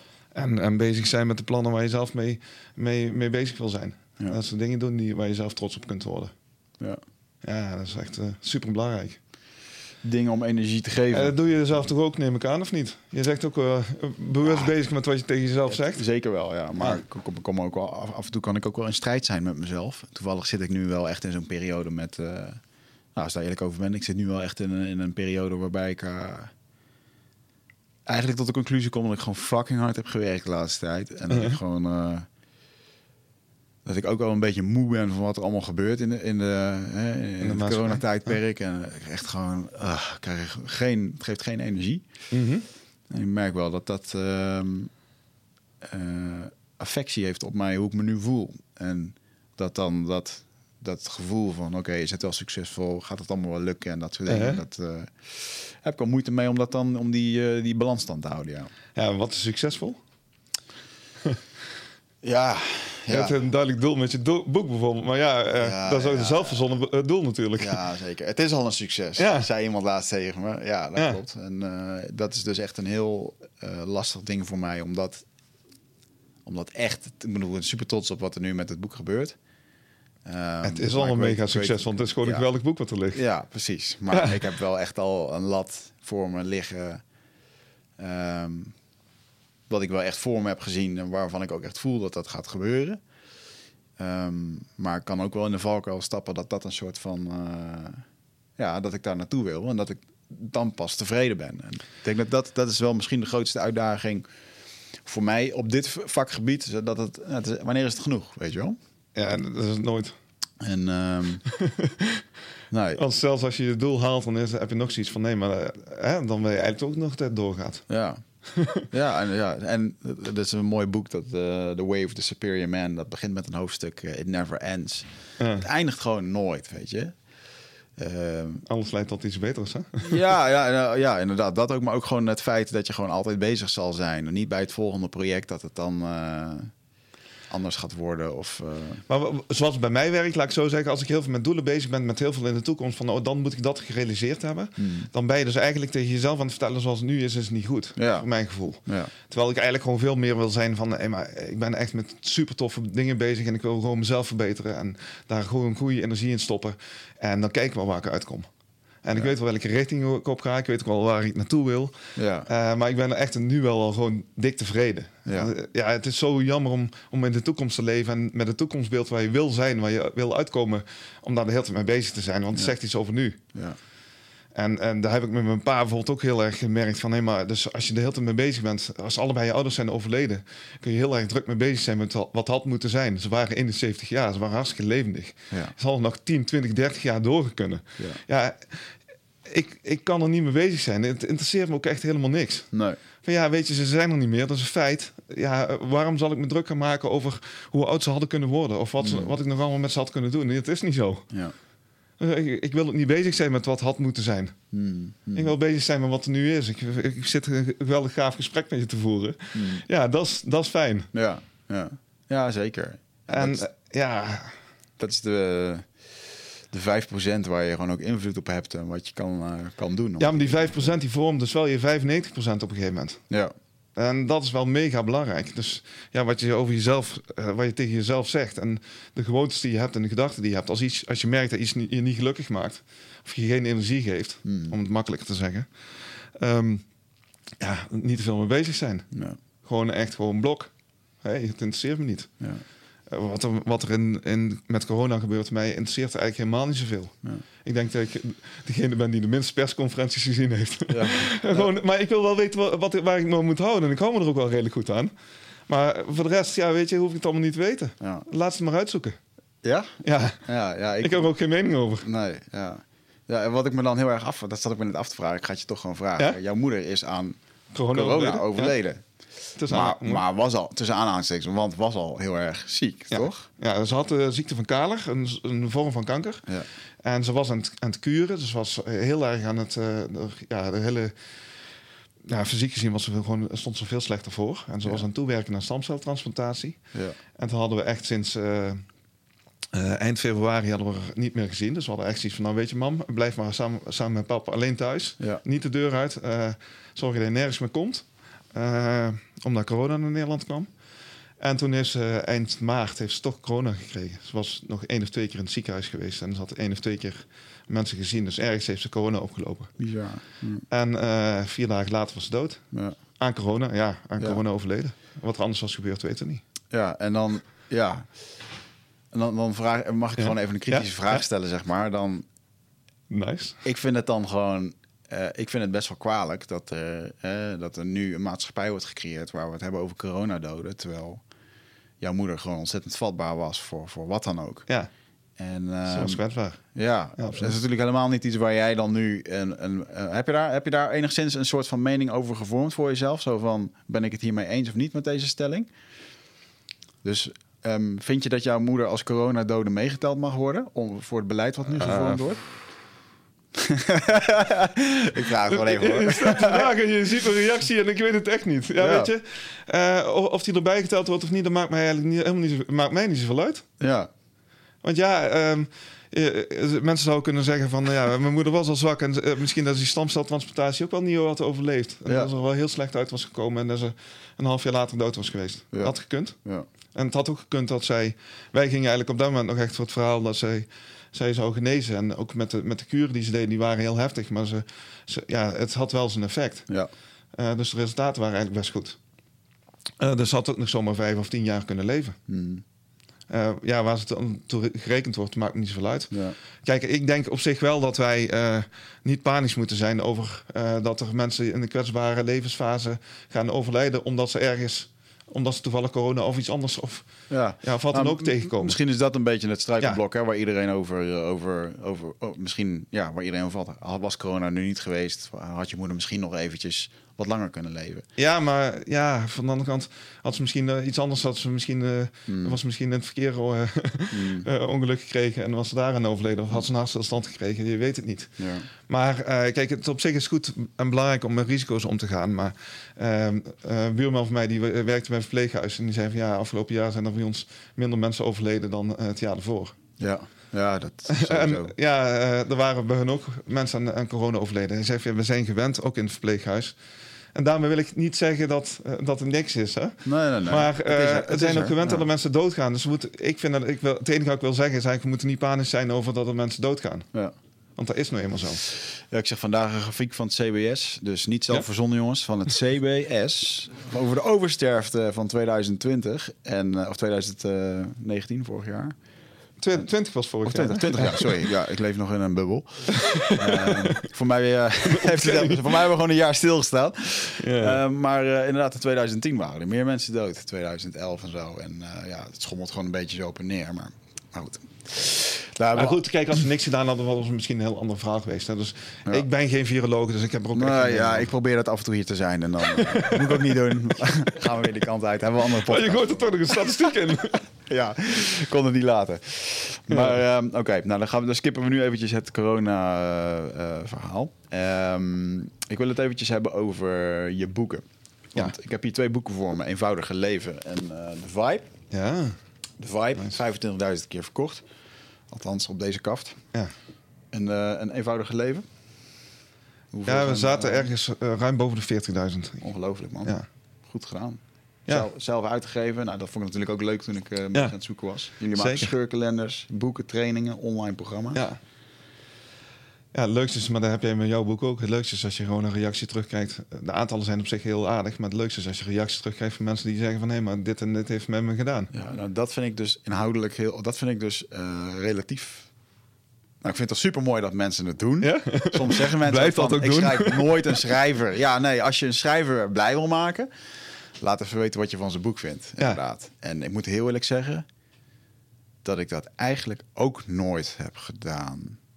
Nee. Zal, ik je, zal ik je vertellen dat een boek wat mij echt ontzettend ontroerd Ja? heeft, waarmee ik echt eh, als volwassen free fightende kerel eh, met tranen in mijn ogen in, eh, weet ik nog dat ik op een vlucht zat in- in, Londen. spannend, ja. In, in Londen zat en dat ik naar, ik moest van gate wisselen en dat ik dus uit vliegtuig naar vliegtuig om terug naar Nederland en dat ik echt met mijn tranen in mijn ogen door de, door de dingen heen liep om weer verder te lezen. Dat was een boek van Klun. Van, eh, Oh, nice. eh, Komt de vrouw bij de dokter. Ja? En dat eh, ja, vond ik echt een heel fantastisch beschreven boek. Hoe dat... En toen heb je hem gemaild. Nee, dat heb ik dus niet gedaan. Nee, maar achteraf, deze. Nu, ja, nu, nu snap ik dat als schrijver zijn. Maar gewoon, uh, al is het alleen maar van, joh, ik vond het gewoon fucking vet en tof. Ja, maar ook als nieuwswest mag het ook, hè? Voor mij mag het ook. Als, het, nee, als, het, als mensen Ja. niks vinden, ja, Ja. dat je gewoon kritisch feedback geeft. Ja. Ja. Ik krijg wel mensen die spelfouten terug e-mailen. Doen ze dat bij jou ook? Ja, eh, eh, ik, ik laat mijn boeken echt wel echt honderd keer controleren op spelfouten. Ja. Want ik, als, als ik het geschreven heb, dan staan er behoorlijk wat Ja, fouten ik in. ook. Maar dan, dan, nog, dan nog ontkom Ja. je er niet aan dat er nog wel dingen gebeuren. Ja, soms is het ook nog een beetje discutabel in de zin van dat het niet altijd heel zwart-wit is. Ja. Dus dat maakt het ook wel eens Ik lastig. vind het wel grappig dat sommige mensen hun brein dus ergens naar kijken. Ja. Die valt dat dan op. En die irriteert dat zodanig dat ze dan even een berichtje naar mij sturen. Vind ik echt heel grappig. Ja, of op zoek gaan naar een, ja, iets wat misschien dan niet klopt. Ja. Ja, ja. En eh, wat, ja, mijn, mijn- boeken zijn mensen heel eh, enthousiast over over het algemeen. Maar soms zeggen ze ook van jeetje, hij heeft het alleen maar over zichzelf. Oké. Ja, dus dat, ja, dat is sommige mensen kunnen er niet tegen. En ik vind het ook prima als mensen dat zeggen. Ja. Want ja, ik, ik probeer gewoon, zoals ik ook hier zit, ik probeer gewoon open te zijn en mezelf te zijn. En that's it. Ja. Ja, en ik zeg het niet, ik, ik, ik zit er niet om indruk te maken. Ik zit hier gewoon om gewoon mijn verhaal te delen. En dan gewoon een gave connectie met jou te hebben. Ja. Ja, toch? Ja, zeker. Nou, Ja, voel en eh, Ja. ik hoop alleen maar dat, en dat, dat vind ik mooi van verhalen, is als je door een verhaal word je meegenomen. En iedereen leest mijn boek ook anders. Ja. Omdat iedereen ook zelf anders is. Ja. En eh, dat is ook de bedoeling. Ja, Dus eh, ik- zeg ook alleen maar altijd van, ja, weet je, als je ergens niet tegen kunt, eh, ga vooral op zoek naar jezelf. wat, je dan niet, wat er dan stoort, eigenlijk. Ja, mooi. Je hebt hier een hoofdstuk, de levendige, de levendige optimist. Maar dat zit wel voor me hier. Dat voel ik wel. Ja? Ja, ik vind jou wel een optimist. Ja, ja, jij ook. In de zin van alles, alles wordt altijd beter. Ja, op momenten kan ik dat voelen. Jouw kent mij beter. Die, eh, die trof mij vanochtend aan hier toen ik. eh, eh, nou ja, dan. eh, ik, ik kan wel echt in een. eh, ik, ik, ben, ik ben wel. Ja, dat is ook een beetje een eh, ding wat ik mezelf dus heb aangeleerd. Ben ik nu achtergekomen in de afgelopen weken. Het stukje alles of niks. En dat komt ook heel erg voor uit het. dus als je. Oké, dus je wil presteren, dan ga je, ga je alles aan doen om te presteren. Uh-huh. En als dat dan niet lukt, ja, dan ben je totale failure voor jezelf. En dus daar, die, ik vind het heel lastig om daar tussen te switchen. En ik doe ook eigenlijk alles in mijn leven met alles of niks. Dus of ik ben hier eh, twaalf podcasts per maand aan het op- opnemen. of eh, we zeggen, yo, eh, het is even klaar, weet je wel. Maar kijk, op zich is er niet zoveel vermis mee om ergens volle bak voor te gaan, toch?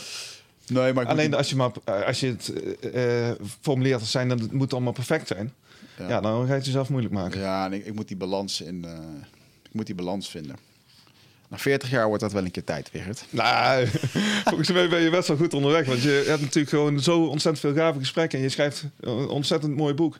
Ja, je geeft gave lezingen. Dus ja, je bent best wel op zoek, best wel met bewustzijn bezig. Ja, dat wel. En met jezelf bezig. Dus, eh, en ja, je bent toch nooit klaar. Dus kan, ik ook niet. Nee. Eh, dus ja, je bent in ontwikkeling. Nee, ja, heerlijk nee, toch? Ja, ja zeker. Ja, ik- En je wordt wel eens een keer tijd, maar ja, je bent in ontwikkeling. Dus eh, ja. enjoy the process. Ja, ik heb mezelf daarin een eh, ontslagen met de laatste woorden van mijn boek zijn: de heling eindigt nooit. Ja, dus dat is mijn excuus om altijd weer in de fout te mogen gaan. En, eh, ja dat mag toch ook? Ja, Ja, ik bedoel, als je geen fouten meer maakt, dan doe je alleen maar dezelfde dingen. ja, true. En eh, dat is helemaal niet leuk. Ja. En, Ja, mooi. Dat heb ik met mijn pa geleerd. Van, nee, maar als je aan het eind van je leven staat en je hebt nog een maand, dan ga je ervaringen en herinneringen ophalen van de dingen die je gedaan hebt. Mhm. En ehm, ja, de dingen, de, de initiatieven die je genomen hebt, de ervaringen die je samen ge- opgebouwd hebt, die tellen dan. Mhm. En als je altijd hetzelfde blijft doen, ja, dan heb je weinig te vertellen. Ja.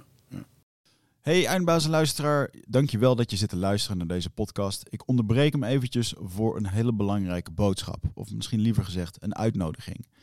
Want op 24, 25 en 26 mei, dan is er weer een nieuwe editie van Rite of Passage. Dat is mijn retreat voor persoonlijke ontwikkeling. En speciaal voor de mensen die op zoek zijn naar, ja, naar helderheid. Of dat ze lastig bij hun gevoel kunnen komen. dat ze moeilijke beslissingen moeten maken. En dat ze zo ontzettend in hun hoofd zitten. Ja, dat ze er eigenlijk gewoon niet meer goed uitkomen. Of dat ze misschien al heel lang in een, ja, een soort van oud gevoel zitten. Dat ze dat gevoel willen transformeren. Of misschien wil je gewoon een oud stuk achter je laten. Ergens een punt achter zetten. En ja, zoek je misschien heling op iets wat, wat je te lang hebt weggeduwd of, of hebt vermeden. En daarvoor wil ik je uitnodigen op 24, 25 en 26 mei om in een retreat mee te doen waar de inhoud van het programma geheim is. Waar de belofte is dat het oncomfortabel wordt. Want jij begrijpt als geen ander dat als je die volgende stap wilt maken, ja, dan zul je uit de comfortzone moeten komen. En ik garandeer je, laat mij dat proces begeleiden met jou voor drie dagen en je leven zal daarna nooit meer hetzelfde zijn. Gemiddeld beoordelen de deelnemers het met een 9,2. En daar ben ik ontzettend trots op. Er is ook een money back guarantee. Heb je de drie dagen vol, volbracht en vind je het niks, krijg je gewoon je geld terug. Dus het enige risico wat er is, is dat je gelukkiger kan worden. Ik zie je Bride of Passage. Ga naar wichertmeerman.nl en klik op retreat. Ja, dus ja, ga, ga, ga dingen doen. Ga fouten maken. Ga, ja, weet je. Hmm. Heerlijk. Hmm. Hey, en uh, je hebt een supergroot platform waar je natuurlijk heel veel interactie hebt met, uh, met lezers en fans en, en volgers. En um, wat zijn um, dingen waarvan jij nu ziet van dit speelt nu, dit is echt heel erg actueel op dit moment. Hier moeten we wat mee. Uh, de behoefte aan positiviteit is sowieso veel groter. Ja. Ja, en dat is ook heel logisch. Dus daar merken we eigenlijk altijd met, met jaargetijden al. In de zomer draaien we veel minder dan in de winter. Hmm. dus, ja, dat is gewoon de behoefte aan positiviteit is dan groter. Ja. En uh, in een coronajaar merk je daar nog veel meer. Dan is de behoefte aan positiviteit nog veel groter. Dus die balans van, hey, als er heel veel negatieve dingen gebeuren, dan is de behoefte aan positiviteit groter. En op zich is dat gezond ook. Ik vind het zelf altijd veel belangrijker om ook gewoon in alle tijden daar uh, actief mee bezig te zijn. Ja. Uh, want je, ja, je laat gewoon dingen lopen die eigenlijk gewoon heel goed zijn in je leven. Hmm. Daarom een van mijn belangrijkste dingen die ik ook altijd zeg van...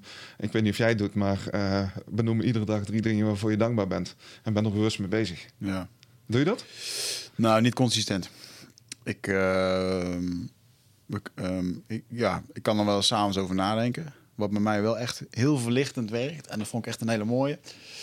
Heb ik ooit een keertje van Brandon Burchard geleerd. Dat is ook zo'n nice. ja. zo'n guru in Amerika. En die had het weer van Wayne Dyer. Wat natuurlijk ook echt een godfather is ja. in dit, uh, dit grachtgoed. En die zei gewoon als je ochtends wakker wordt. Dat je gewoon drie keer thank you, thank you, thank you zegt. En gewoon voor dat je er weer bent. Dat je er mag zijn. En gewoon... Dus altijd als ik dat doe, geeft dat een soort van... Ja, gewoon even een overgave of een... Uh, dat is ook even de simpelheid waar het dan over gaat. Gewoon bedankt dat je er weer mag zijn. En... Dat je wakker bent geworden en een nieuwe dag is. Ja, ja. De zon schijnt. Exact, ja. En dan uh, ja, sta ik op en dan... Uh...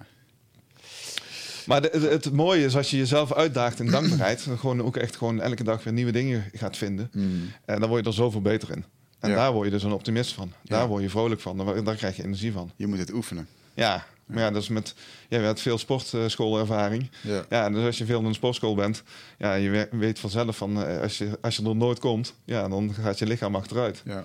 En als je er weer vaak komt, dan gaat je lichaam, Mm. dan voel je je fit en energiek. En dan Mm. maakt je lichaam allemaal positieve stofjes aan. En dat werkt er met dankbaarheid ook. Ja. Ons brein is gewoon volledig te trainen. En hoe, hoe, hoe, eh, wat zou een goede manier zijn om... eh, want eh, ik weet dat er nu luisteraars zijn die zeggen... nou, oké, ik ben vandaag dankbaar voor die thee, voor mijn telefoon... en voor mijn, dat ik mijn moeder heb gezien. Ja. En dan gaan ze verder. Maar dat is, dan doe je het gewoon met je hoofd, Ja, toch? ja dan zeg je even iets langer over nadenken. Het mooie was eigenlijk, ik begon eigenlijk... Toen ik allemaal boeken over positieve psychologie ging, ging lezen... was dankbaarheid echt gewoon, was gewoon de sleutel. De Hmm. sleutel voor eh, ja, meer positieve emoties. Ja. Dus ik had echt zoiets van. En ook, ook alle onderzoeken die er gedaan werden. Ja, je, je kent het wel vanuit psychologische onderzoeken. Ja, dan werkt dat bij 60 of 70 procent. Of, hè, in die gevallen, specifieke gevallen, werkt iets. Maar bij dankbaarheid waren de resultaten altijd heel erg overtuigend. Dus ik was heel nieuwsgierig. Dus de eerste avond, ik zei tegen mijn vrouw van... Goh, we gaan elke avond drie dingen bespreken waarvoor we dankbaar zijn. En mijn vrouw die stond ervoor open. Het was echt gewoon zo'n avond van... eh, ja, eh, ik zat te eten, dus ik ben dankbaar voor het eten wat op mijn bord ligt. Ik ben dankbaar voor jou, eh zei ik tegen mijn vrouw. En ik ben dankbaar voor het huis waar we in, in zitten. En uh, de, de avond daarna zei ik weer van ik ben dankbaar voor jou, zeg ik tegen mijn vrouw. En zegt ze, ja, waarom? en eigenlijk was dat een hele goede vraag. Ja, ja want, ik herken uh, deze situatie, ja. dat heb ik ook gehad. Ja. En dan zegt, ja, de vrouwen doen dat. En dan hebben we de gave om dan door te vragen. En die waarom-vraag is natuurlijk waanzinnig goed, want uh, dat zorgt dat je na gaat denken. Dus als je denkt van, nee, maar ik ben dankbaar voor het huis waarin ik woon, waar ik in woon. Ja, waarom ben je er dankbaar voor? Wat levert je, wat levert je echt op? Nou, mooi man dit. Ja, echt gouden... gouden... En de waarom-vraag zorgt altijd dat je meer erover na gaat denken. Ja. En dat het meer gaat, uh, gaat, gaat landen. En ja, ik heb gemerkt dat toen ik daar anderhalf week mee bezig was, dat ik in één keer dingen op een dag ging zien die ik normaal gesproken nooit gezien zou hebben, waar ik geen oog voor zou hebben gehad. Ja. En toen had ik zoiets van, hé, hey, mijn brein, mijn onbewuste brein is aan de slag. Ja. In plaats van die 5% van het bewustzijn, is mijn 95% aan de, aan, aan de slag. Mooi man. En ja, dan is dat... Ja, weet je, ik zit niet te denken... ik ben dan waanzinnig dankbaar dat ik hier zit. Dat ik gewoon een waanzinnig gaaf gesprek met je heb. Ja. En dat, dat het kan, ja, toch? Ja, zeker. Ja, ja en de connectie die ik met je voel... ja, daar kan ik ontzettend dankbaar voor zijn. Ja, mooi. Ja. gelijks. Dus en, ja, dat is ook gewoon een kwestie van trainen. En, zoekt ook gewoon in hele kleine dingen, hè? Mm.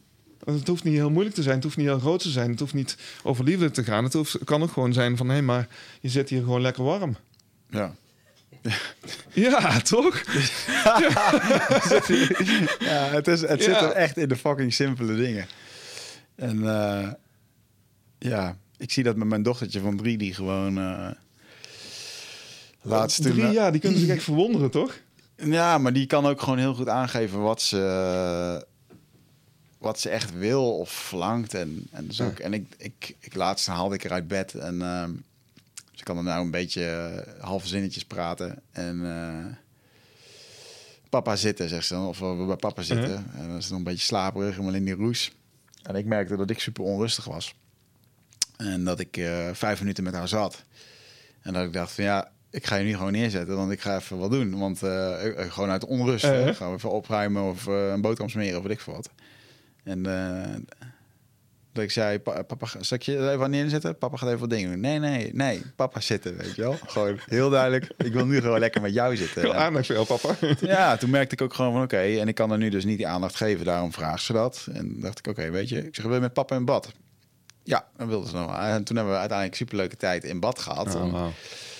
Uh, dat is helemaal staat te stralen en met water staat te gooien en lachen en doen. En, uh, maar dan heb je wel die connectie in plaats van uh, dat ik dus ook eigenlijk niet aanwezig ben. En zij voelt dat ook gewoon. En ja, dan, mooi, gaan, dan, gaan, ze het opeisen. Hè, door, door misschien vervelend te doen. Of, uh, ja. of tenminste, wij ervaren dat dan. Ze ja. zijn vervelend. Nee, jij bent gewoon niet aanwezig voor ze. Dat is een hele mooie spiegel voor hoe je je intern voelt. Ja, zeker. Ja, en die liefde en die aandacht hebben ze gewoon nodig. Ja. En dat is ook gewoon fijn. Uh, en die komen ze ook gewoon vragen. Ja. Dat is helemaal mooi. Hè, dat doen we als volwassenen nog wel eens dan. Of als je in een relatie zit en iemand voelt zich niet gezien. Of dan houden we dat binnen. En of, of, net als mijn kat, dat vind ik ook altijd een mooie. Ja. Dan, uh, die komt gewoon een aai halen, weet je wel. Ja. als die zin heeft. Ja. En, uh, ja, ik vind dat goud. En zo'n kleintje ook. Ja, ik denk dat er onbewust tussen mensen gewoon en tussen dieren ook, en tussen mensen en dieren ook gewoon veel meer processen lopen dan we in de gaten hebben. Ja, zeker weten, ja. En dat je dochter dan ook gewoon echt haar fijn aanvoelt van nee, je er niet bij bent. Ja, zeker. Ja. En hij zegt van nee, maar wacht eens even. Ik vind het gaaf dat je er wel bij bent. Zijn er nog plannen voor kinderen? Want je zegt dat je geen kinderen Nee, wij kunnen geen Of tenminste, is niet gelukt, dat laat ik zo zeggen. Ja, nou ja.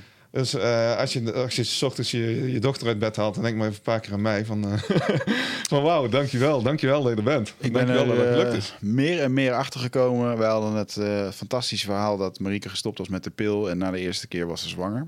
En mm -hmm. um, je zou bijna denken van nou, dat, vanzelf uh, dat, dat, gaat vanzelf. Ja. En dat is bij iedereen zo. Maar ik kwam er meer en meer achter dat hoe enthousiaster dat ik dat vertelde op feestjes, hoe ongemakkelijker het soms werd. Omdat sommigen daar ja. echt wel in het proces zaten dat dat dus niet zo was. Ja.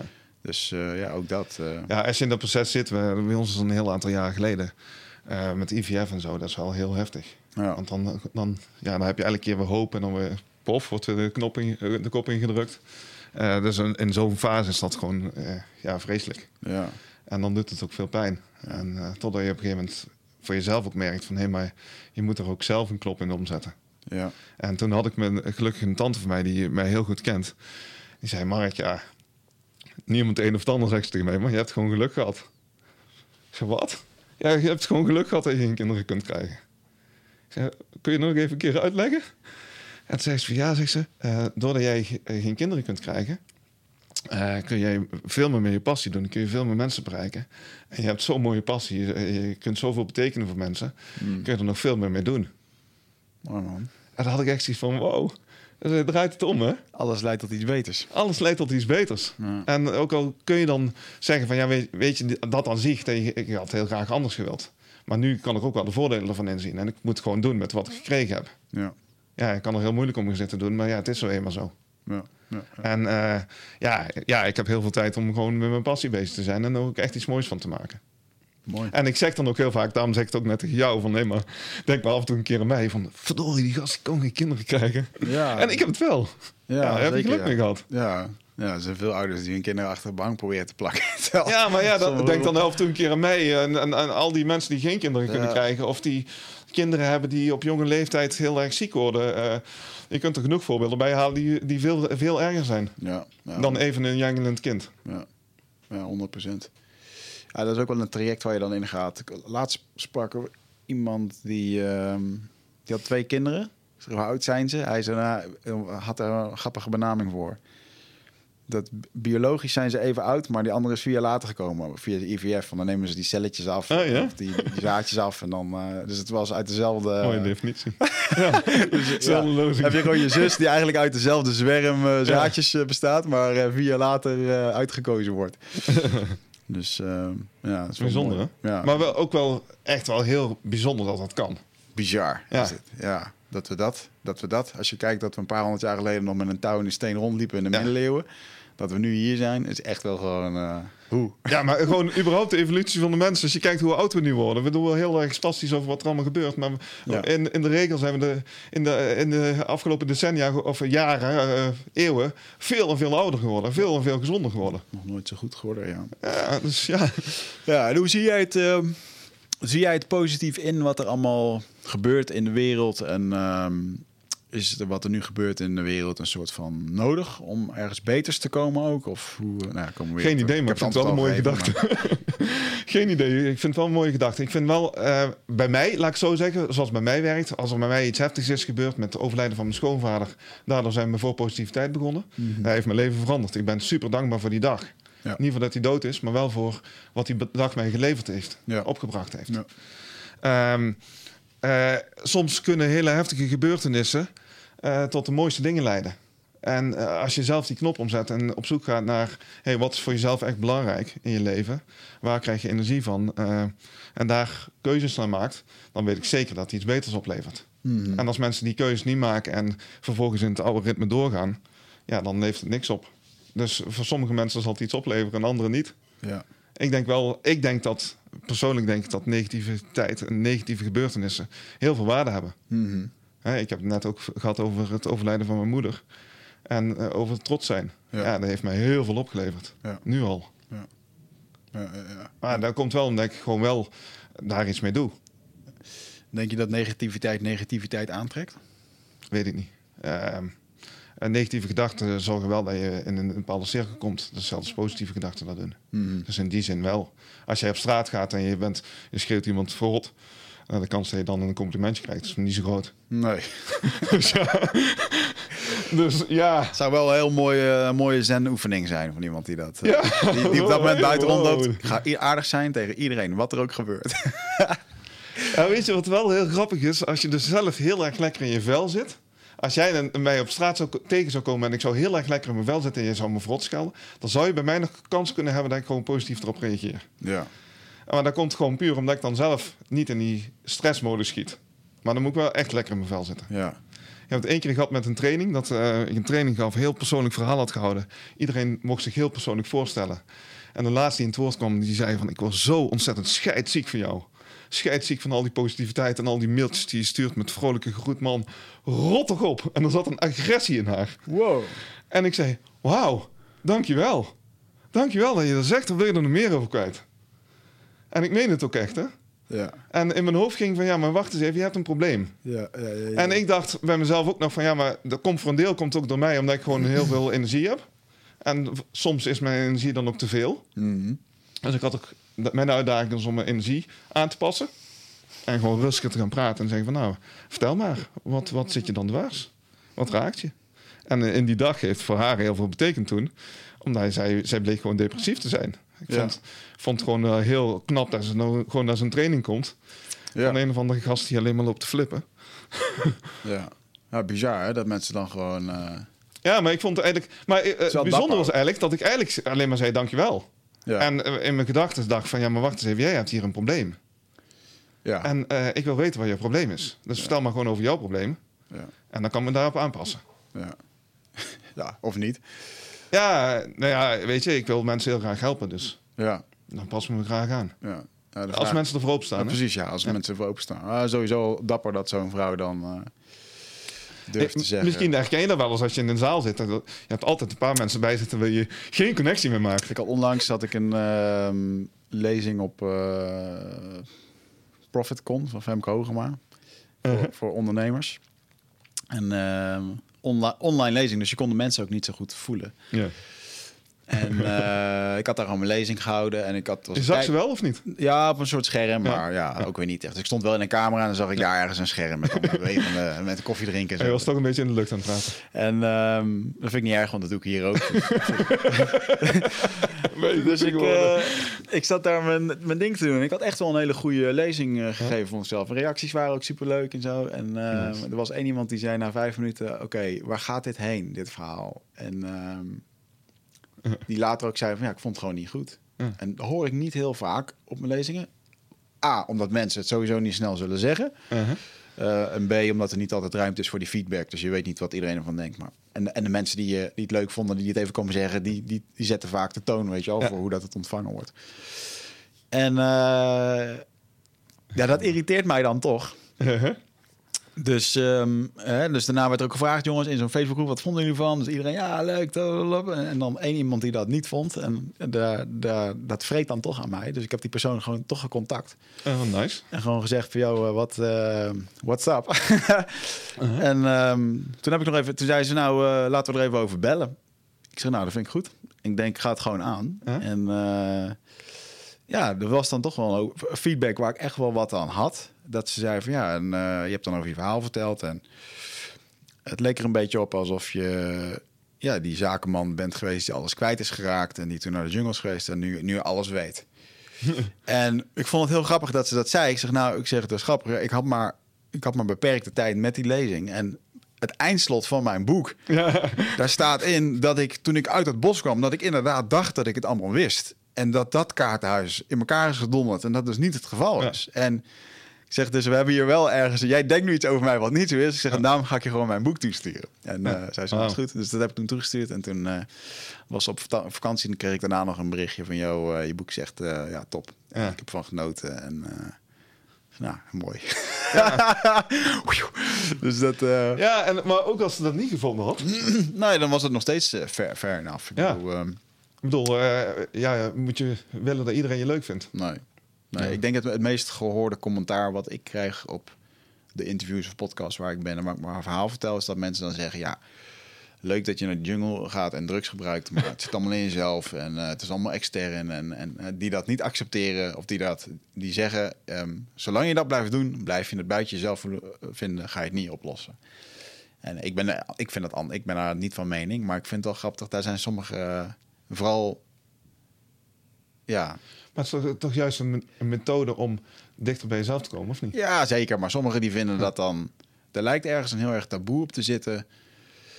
Dat als je iets neemt, dat je dan in een sneltreiner kan komen. Terwijl inderdaad, als je dagelijkse oefeningen erop doet... en eh, je doet het jarenlang, dan kom je er ook. En als je iedere dag ademt, dan kom je er ook. En als je iedere dag yoga doet, kom je er ook. Maar er lijkt dus heel erg een taboe op te zitten... dat je zomaar iets zou, zou kunnen nemen wat zoiets kan versnellen. Eh, maar uiteindelijk is het ook maar een herinnering van, van wat het kan zijn. Hè, wat je daar ervaart. En, en dan moet je het inderdaad zelf gaan doen. Dus, eh, maar ik zie Maar, toch gewoon maar dat... voor de luisteraar is het van... hé, hey, maar dit is een wereld. Ik vind het echt super interessant. Want ik heb een eh, groot gedeelte van je boek al gelezen. Daar heb ik het ook over gehad. Eh, ik vind het alleen maar heel erg interessant. Omdat je, het is niet mijn wereld meteen waar ik het meteen zou doen. Ja. Maar ik denk van... hé, hey, maar ik vind het echt heel erg gaaf... als iemand iets op een andere manier doet. Ja, En dan ben ik nieuwsgierig naar. ja, ja, Ik wil niet zeggen dat ik het meteen ga doen... maar ik wil wel weten van... hé, maar wat gebeurt er dan? ja. En jij beschrijft dat heel mooi van wat er gebeurt. ja. Ah, die open-mindedheid, die... Ja. eh, En, en dat ik, Als we allemaal hetzelfde doen, dan was echt helemaal gereed aan. Ja, maar toch merk je dat ook wel. hoor. In de, want toen ik bijvoorbeeld net begon met ayahuasca, was mijn open-mindedheid voor andere dingen was nihil. Omdat Ja? ik echt vond, dit was het, weet je wel. En ik merk ook wel dat, eh, ja, dat eh, het zijn vaak de fanatiekelingen die, die vinden dat het, dat het anders moet of zo. Maar ja, dan ben je zelf, je zit in dezelfde koker. Ja. Ja, als je zelf ergens van overtuigd raakt, dan is het moeilijk om een andere overtuiging aan te nemen. Ja, Ja. Terwijl het eigenlijk gewoon juist wel heel erg interessant is. Ja, En boeiend. Van weet je, we hebben niet allemaal de behoefte, we moeten niet allemaal dezelfde auto willen rijden. ja. En dezelfde kleding aan willen doen. Ja. Los van die Nee, kleding nee. van Martinique natuurlijk. Maar Zeker, die moet je zeker. Mataniek.com. hey, en ehm, dit boek hè, van eh The Vibe. ja. Weet je dat er een, eh, valt mij nu op, waarom eh, die vijf sterretjes zijn niet allemaal helemaal ingekleurd? Weet je dat? Ja? Dat is bewust. Nee. Maar Nee, eh, ja, dat is wel bewust. Maar ehm, eh, we hebben gewoon gekeken naar de recensies die er op bol waren. Ah, zo. En, En, zo eh, en daarvan hebben we gezegd van, nou weet je, ze hebben niet allemaal vijf sterren. Ja, Want sommige mensen vinden het boek ook gewoon echt heel slecht. ja, Dus ja, heel die neem je eerlijk. daarin mee. Heel eerlijk. Eerlijk verhaal. Oké, nou mooi man. Je openheid enough. erin. Ja. Geen, geen mooi marketingverhaal. Wat zijn de En nou ja, weet je, het, het grappige is wel natuurlijk, het trekt wel je aandacht. ja. Dus in die zin, er zit wel een vorm van marketing in. Dan zit Ja. er een sticker op van 25.000, ja. Ja, tuurlijk. Ja. En eigenlijk, ja, weet je, ehm, eh, we doen het omdat het zo werkt. Ja. Maar ja, eh, is daardoor een beter boek? Ja. ja, nee, nee, nee. Nou ja, het is voor iedereen verschillend inderdaad. Ja. Ja, ben je nu bezig met een nieuw boek of niet? Eh, in mijn gedachten wel al. Ja. Oh, dat is echt wel... Over je vader. Ik weet het niet. Toen mijn moeder was overleden, heb ik ehm, eh, een paar maanden lang geroepen dat ik een boek, boek over moederliefde zou gaan schrijven. Mhm. En nou is mijn vader ook nog overleden. En eh heb ik zoiets van, ja, dan ga ik niet een boek over alleen moederliefde schrijven. Maar misschien dat wel iets is, heeft te maken met van, nee, maar wat je, wat je kan overkomen Ja. en hoe je daarmee omgaat. Ja. Zoiets. Ja. En eh, eigenlijk dat de verhalen die je daar zelf in schrijft, bepalen hoe je er zelf bij voelt. En dat heb ik met het overlijden van mijn pa heel sterk gemerkt. Van, hey, op het moment dat ik alleen maar bezig ben- was met het, het ontkennen van de werkelijkheid... en eh, met wat er had moeten zijn, dat mijn pa nog veel ouder had moeten worden... en Mhm. eh, dat ik nog heel veel gave dingen met hem had moeten eh, ervaren... daar kreeg ik echt pijn van. Daar Ja. kreeg ik hartzeer van, lag ik, s'nachts lag ik wakker. Ja. En als ik hierna ging denken van, ja, maar waar ben ik mee bezig geweest? Ja, dat was allemaal met dingen die, er, ja, die, de, die de strijd opzochten. Ja. En ik dacht van, nee, maar wacht eens even. Ik moet gewoon echt, dat verhaal moet ik gewoon afsluiten. Ja.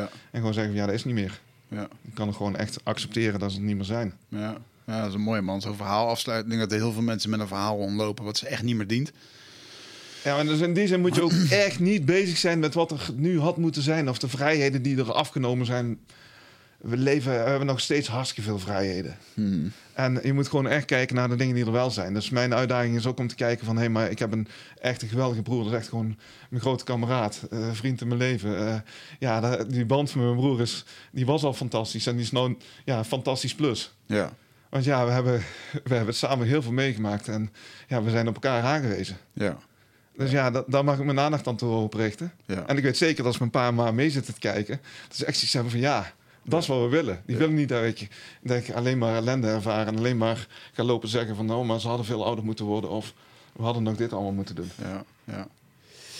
Ja, dat is, de, dat is de valkuil die ik zelf nog wel eens betreed. Dat de grote, de grote grap is, je hoeft alleen maar te doen waar je, waar je plezier in hebt. Ja, Hè, dus je hoeft, ook voor je partner en voor de mensen om je heen, je hoeft alleen maar plezier te maken. Ja. En waarom lukt het me dan af en toe gewoon niet om gewoon in die, in die serieusheid te stappen, weet je wel? Dat het allemaal zo, ja, eh, eh, dat je zoveel moet en, en, en dat, het, dat het daardoor dus ook zwaar wordt. omdat je met je gedachten ergens anders bent. Ja, Je bent ergens anders. En als jij gewoon hier bent en nu, in het gesprek, nu ben je in het gesprek... en ja, dan, dan is het fijn om hier te zijn. ja, En dan zitten we met de gedachten hier en dan is het gewoon prima. ja. En dat is gewoon leuk om te doen. Ja. En eh, op het moment dat je bezig bent met van, van hé, maar als bedrijf zijn, dan moet je die en die doelstellingen bereikt hebben. Wij zijn nou een nieuw huis aan het bouwen. En gisteravond was, uh, staat er toevallig een verbouwingsprogramma te kijken. En dat zag er echt super gaaf uit. Mhm. En we hadden echt zoiets van, oh, hebben we wel goede, goede ideeën voor ons nieuwe huis? Want we willen echt dat het heel graag heel bijzonder wordt. Ja. En dat je in één keer denkt van, in één keer als een perfectionist daar naar gaat kijken, waar eigenlijk helemaal niet bij me hoort. Mhm. En ik in één keer heel ongeduldig werd. En mijn vrouw zei, je bent hartstikke ontevreden. Zo ken ik je helemaal niet. En je achteraf denkt van, ja, maar wacht eens even. Waarom moet je ernaar streven dat iets wat eh, later nog gerealiseerd moet worden, perfect moet zijn. Ja. Als het niet perfect is en je komt erachter, of niet zoals je wil, dan verander je het toch weer. Je doet gewoon zoals je het denkt dat het goed is en dan is het goed. Ja. Geef, geef het beste van jezelf en ga je niet druk maken of het dan, of het dan aan je verwachtingen voldoet. Ja, ja Dat is een heel mooi, Mo Gaudas heeft er een heel mooi boek, hè, je verwachtingen. Eh, verwachtingen maken je, ongeduld, eh, maken je ongelukkig vaak. Is dat, die, dat is de logica van geluk? Ja. ja. Eh, omdat je verwachtingen zegt eigenlijk van hé, maar je, je creëert een wereld die niet eh, de wereld van nu is. Ja. En ja, dat is gevaarlijk. Ja. En je mag wel dromen hebben, je mag wel, eh, je mag wel van jezelf verlangen dat je beter wordt en dat je meer gaat bereiken, meer gaat betekenen. Echt supergoed. En dat doe ik voor mezelf ook. Alleen hoe het eruit gaat zien, ja, ja. waarom zou je er mee bezig zijn? Toch? Ja, nou, je, je, je, je zit nu te praten en ik zit heel erg autobiografisch te denken. Ja, Dus eh, ik, mooi, ben, ja, ik ben wel heel erg in de... Ik, ben- ik ben wel in de in, ver- in verwachting... Ik kan wel echt in verwachting zitten, ja. Ik vind dat echt mooi dat je dan zegt autobiografisch te denken. Dat vind ik echt mooi. Dat is gewoon, iedereen denkt auto, autobiografisch natuurlijk, maar ook in de bewustwording dat je dat doet. Nou ja, in de zin van... eh, ik besef me dat heel goed, hè, dat als ze jouw boek lezen... lezen ze niet jouw verhaal, maar ze, ze lezen het... en ze, ze kijken over zichzelf heen. Hoe zij Ja. ermee om zouden gaan. Terwijl als je met je dochtertje in bad zit, dan ben je helemaal eh, gewoon in jezelf en dan ben Ja. je hartstikke gelukkig. Zeker, ja. Misschien moet ik dat vaker doen. ja, maar, maar, ja, of gewoon, eh, gewoon echt eh, ja, met, met je dochter. Maar ik bedoel, het kan ook dingen met je vrouw of met gewoon de gesprekken die je hier voert of de podcast die je opneemt zijn. Ja. Ja, ja. waarom zouden wij ons druk maken over wat er gaat gebeuren of dat er iemand binnenkomt? ja. Er komt iemand binnen. Oh, klopt, dankjewel. Is hij nou gepauzeerd of gaan we verder? Nee, we gaan gewoon verder. heel iemand iemand kwam even melden dat de sleutels nog in de deur zingen. Dus Dat, die- vind ik dus wel een mooie eigenschap Ja, van je. Maakt je er totaal niet druk om. Nee, nee, nee. Hij, eh, Oh, bedoel je, over dat nu de uitzending gestoord wordt? Ja, Ja.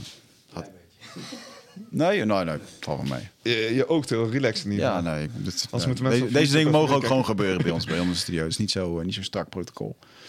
dat is ook de charme van de podcast, toch? Ja, waar ik wel eh, geïrriteerd ook raak als mensen gaan lopen herrie gaan lopen maken op de gang. Dan stoort dat de opnames, maar dan... eh, ja. Oké.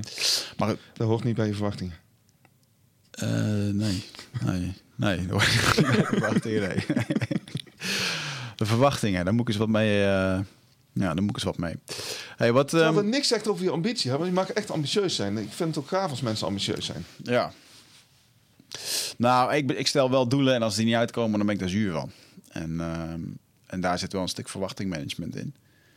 Ehm, wat ook wel... eh, en mijn verwachtingen kunnen soms ook wel eens een... Moet ik het even goed zeggen? Mijn verwachtingen kunnen soms ook wel eens een... Een, een escape zijn voor, wat, voor het werk wat er eigenlijk ligt. Dus ik, ik had bijvoorbeeld laatst... Ik had laatst bijvoorbeeld plannen gemaakt om... eh, eh, iets te gaan doen waar ik mijn geld in wilde stoppen. En ik, ik had daar al de beslissingen gemaakt dat ik dat ging doen. En ik had dat gedaan op basis van 16.000 euro. Wat nog ergens vaag in de lucht hing. Wat potentieel zou kunnen gaan vallen. En waarvan ik dacht van, nou, dat komt wel goed. En eh, op het moment dat ik die beslissing maak, de volgende dag valt het allemaal weg. dus ik werd gelijk door het universum een soort van eh, gestraft in, eh, ja, dat wil je wel wat laten zien. Dus ehm, eh, en dat is, dat is, voor mij is dat wel een hele goede om dus wederom niet in de toekomst te gaan zitten denken, maar door echt gewoon even heel ondernemersgericht, hè, gewoon Ja. oké, gewoon sturen op cijfers van wat je hebt en Ja. niet wat er potentieel kan gaan vallen. Daar moet je niet eens op rekenen eigenlijk. En dat kan je wel doen, maar dat is ondernemersrisico. En dus in sommige gevallen is dat niet, niet gunstig. In mijn geval was dat nu niet gunstig. En ik denk hetzelfde als je bijvoorbeeld met, eh, eh, met een relatie, waarbij je continu met je gedachten in de toekomst zit. Het is niet nu.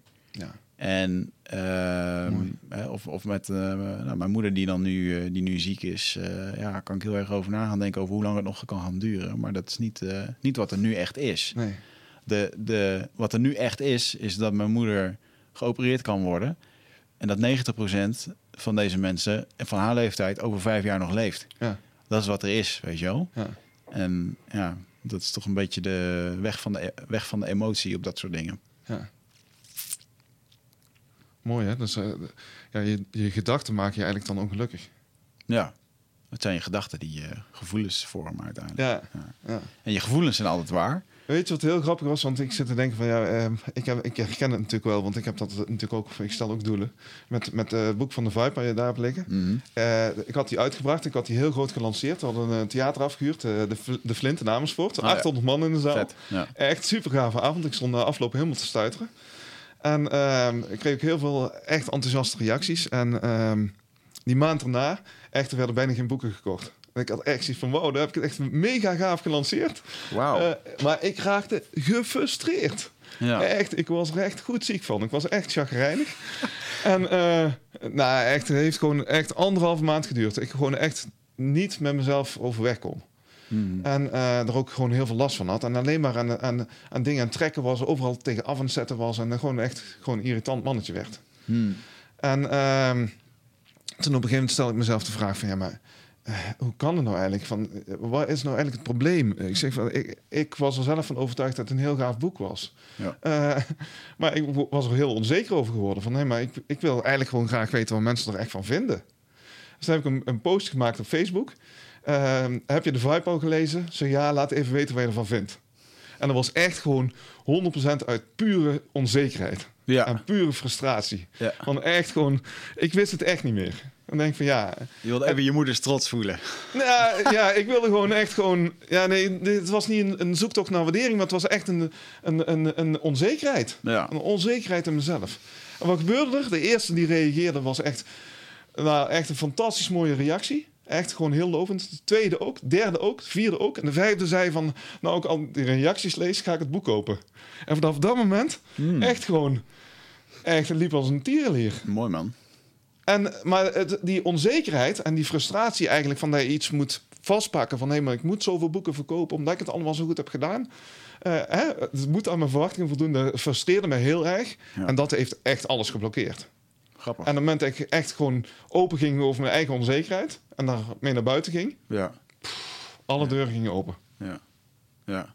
En dat, dat is echt gewoon gaaf als je dan gewoon merkt van hé, maar de, eh, ongetwijfeld heb je zelf ook van die verhalen dat je ergens merkt van hé, maar toen ik zelf die knop omzette, toen ging het in één keer heel gemakkelijk. Ja, zeker wel. Ik, eh, ik zie het soms heel erg in. Ik, het is heel vaag ook in de social media posts. ik bedoel, een hele hoop van mijn content wordt gedaan door, eh, door Jill, die me daarbij helpt. En die, die plakt en knipt uit mijn boek. En die maakt daar mooie quotes van. En, Nice. en dat gaat goed. De mensen vinden het leuk en die posten dat door. Maar Die zijn trouwens ook heel mooi trouwens. Ja, nee, maar ja, en als op het moment als ik gewoon zelf mijn eigen verhaal eh, post, hè, bijvoorbeeld vanochtend met een enthousiasme over een derde druk en zo, dan, dan zie ik meteen aan die post dat hij het beter gaat doen dan die andere. Ja. En dat is toch, ja, ik geloof dat daar toch energetisch een andere lading achter zit dan eh, dat voelen mensen. Ja. Dat is echt zo bizar. Want als je zelf ergens van overtuigd bent, als je zelf ergens gewoon achter staat of zelf iets van jezelf open en blootgeeft, dan gebeurt er het. Ja. Ja, en dat is, dat is gewoon de trick. Eh, of de trick. eh, ja, dat is niet eens zeer de trick, het is gewoon de uitdaging om gewoon jezelf te zijn. Ja. En jezelf te laten zien. Ja. ja, zeker. Hey, en ehm, online trainingen doen jullie ook, hè? Ja, Wat voor training geven jullie? Ja, positiviteitstraining. ja de, de, de beste training die ik gemaakt heb, eh, vind ik, is training zelfvertrouwen. Oké. En ehm, daarin eh, dan nemen mensen aan deel die eigenlijk gewoon eh, ja, nergens aan deel willen nemen. Maar dan op een gegeven moment merk je van nee, maar ik heb wel echt wel een issue ermee. Mhm. En eh, ja, ze dan langzamerhand meenemen eigenlijk in gewoon wat meer gedachten en wat meer waardering naar jezelf toetrekken. En in, in affirmaties, maar ook in reacties vragen van mensen die je heel, heel erg lief hebben. Ja. En dan gewoon, je daagt ze ook uit om, om gewoon een positief zelfportret te maken. En gewoon bij, in de omgeving te vragen van, van hey, vraag nou zeg, dan- zeg dat je in de training zelfvertrouwen meedoet. En vraag aan mensen wat, ze, eh, eh, wat zij in jou waarderen. Alleen maar Ja. wat ze in jou waarderen. Ja. En eh, alle feedback die je daarin krijgt, die, die schrijf je bij elkaar. Die maak je één vel van, of één papier van, of één overzicht van. Mhm. En ja, als je ziet wat, en zo zijn een aantal stappen meer in die training. Ja, dat is echt gewoon een fantastisch mooie training. Want dan ben je el- elke dag ben je er eigenlijk in stapjes mee bezig. En je merkt Mhm. eh, in één keer na, na zes weken dat er heel veel gedaan is. Dat mensen Ja. in één keer gaan denken van, hé, maar wacht eens even. Ik moet het zelf doen. Ja. En dus dat vind ik heel gaaf. En het effect eigenlijk, ik probeer daar het effect te halen van als je elke dag iets toestuurt, er elke dag mee bezig bent, ja, dan gaat dat effect hebben op de lange termijn. Dan gaat dat je onderbewustzijn voor, vormen. Ja. Ja. Ja, En zeker. Dus in die, zin- daarom vind ik het gaaf om online training te doen. En denk ik ook dat die heel goed kunnen werken. Mhm. Ja. Omdat je elke dag ergens mee bezig kunt zijn. Ja. Als je elke dag met dankbaarheid bezig bent, echt 100% zeker dat je meer positieve emoties gaat krijgen. Ja. En makkelijker met dingen omgaat. Ja. En dus ja, dat is eigenlijk de uitdaging is om er gewoon elke dag mee bezig te zijn. En waarom te vragen?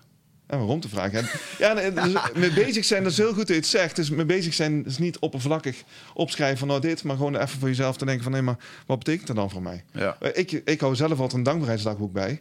En ik merk gewoon bepaalde periodes die wisselen af van hé, maar blijkbaar schrijf ik nu heel veel dingen op van contact wat ik met anderen heb bijvoorbeeld. Mhm. En eh hey, dat is blijkbaar iets waar ik heel erg dankbaar voor ben. Dat stimuleert mij ook om meer verbinding te zoeken. Ja. Eh, dus je, je, het vormt ook je gedachten en je gedrag. Ja, zeker ja. ja. Ik weet nog wel eens een keertje een periode dat ik voor mezelf bijhield waar ik energie van krijg of niet. Ja, dat is hetzelfde eigenlijk. was in de periode dat ik de ziekte van Pfeiffer had, maar niet wist dat ik het had. Ik voelde Oh, me nee. slecht, jongen, zwaarmoedig. En dat ik echt voor mezelf eh, alles bij ging houden. Waar krijg ik nou energie Ja? van? En dat ik echt eh, uitspatters had in sociaal contact. Maar ik ben best wel een kluizenaar. Ik echt, zie mijn vrienden echt Uh-huh. gewoon... soms kan drie keer in een week, maar het kan ook drie maanden niet of vier maanden niet. Uh-huh. Of een jaar nu. maar eh, en dat, ja, dat ik daar dus de volgende dag me ons eigenlijk heel erg goed voelde. Waarom? Ja, omdat je de avond ervoor gewoon sociaal contact had gehad. En doe dat nog steeds te weinig.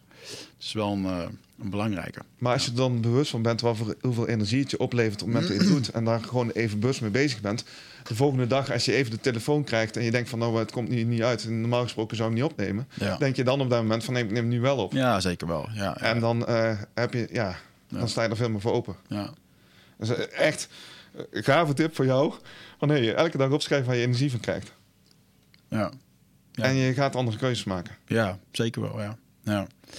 En die verandering van keuzes, is dat iets waar je mensen ook mee, eh, mee helpt? Want veel... Ja, maar het is wel gewoon mensen moeten het zelf doen. Als ze het niet doen, dan ja, ik, kan, ik ga niet tijd mee zitten kijken. Ja. Dus ik probeer te stimuleren en te inspireren met het verhaal die ik vertel. Ja, En ja, wat mensen ermee doen, dat is echt hun eigen verantwoordelijkheid. ja, ja.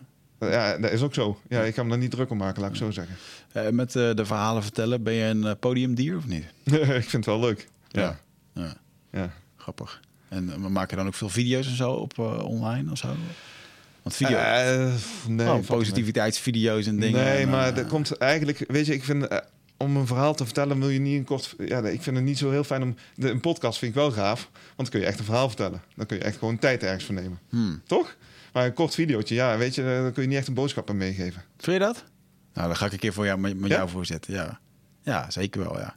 Ik bedoel, um, uh, hoe ik het heb geleerd van die Brandon Burchard is gewoon, uh, je opent gewoon met een vraag. Gewoon, hey, uh, heb je wel eens gehad dat je rond de kerstdagen met minder zelfvertrouwen zit? Ik noem het heel, heel, heel specifiek voor één groep. Ja? En, en daardoor denken mensen meteen, hey, dus... En dat is natuurlijk gewoon een sprekerstruc om meteen de aandacht te krijgen. Ja, een vraag is goed. Ja.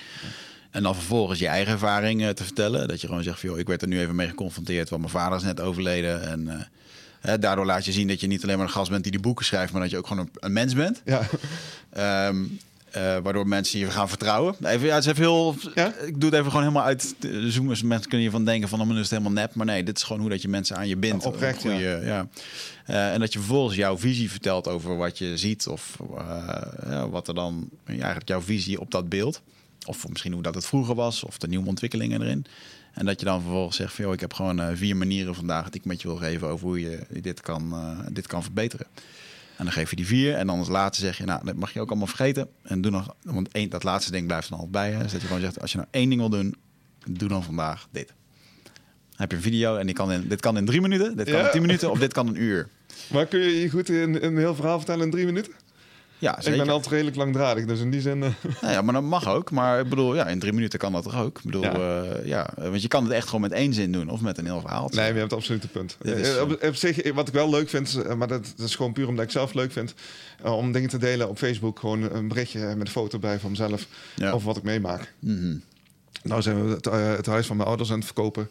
En dan vind ik uh, leuk om te vertellen over hoe het proces gaat. Mm -hmm. En ja, dat vind ik gewoon leuk om te delen. En Maar Ja. ook gewoon, eh, ik probeer er wel altijd nog een beetje eh, iets in mee te geven. Maar gewoon wel echt vanuit mezelf. Gewoon Ja. hoe dat ik er zelf in sta. Hmm. Wij waren, om het, eh, als ik het mag vertellen, eh wij waren op zoek, we wilden het huis van mijn ouders alleen maar verkopen aan mensen die echt gewoon, ja, die er in het huis horen. Ja, weet je, het is toch een beetje een dingetje. Ja. Als je het huis van je ouders, waar, je, ja, waar mijn ouders zoveel liefde aan hebben gegeven, echt super mooi hebben onderhouden, ja, dan ga je niet iedereen verkopen. Eh, iemand die met een sloophamer komt, ja, die was voor ons kansloos. Dus Oh, wauw.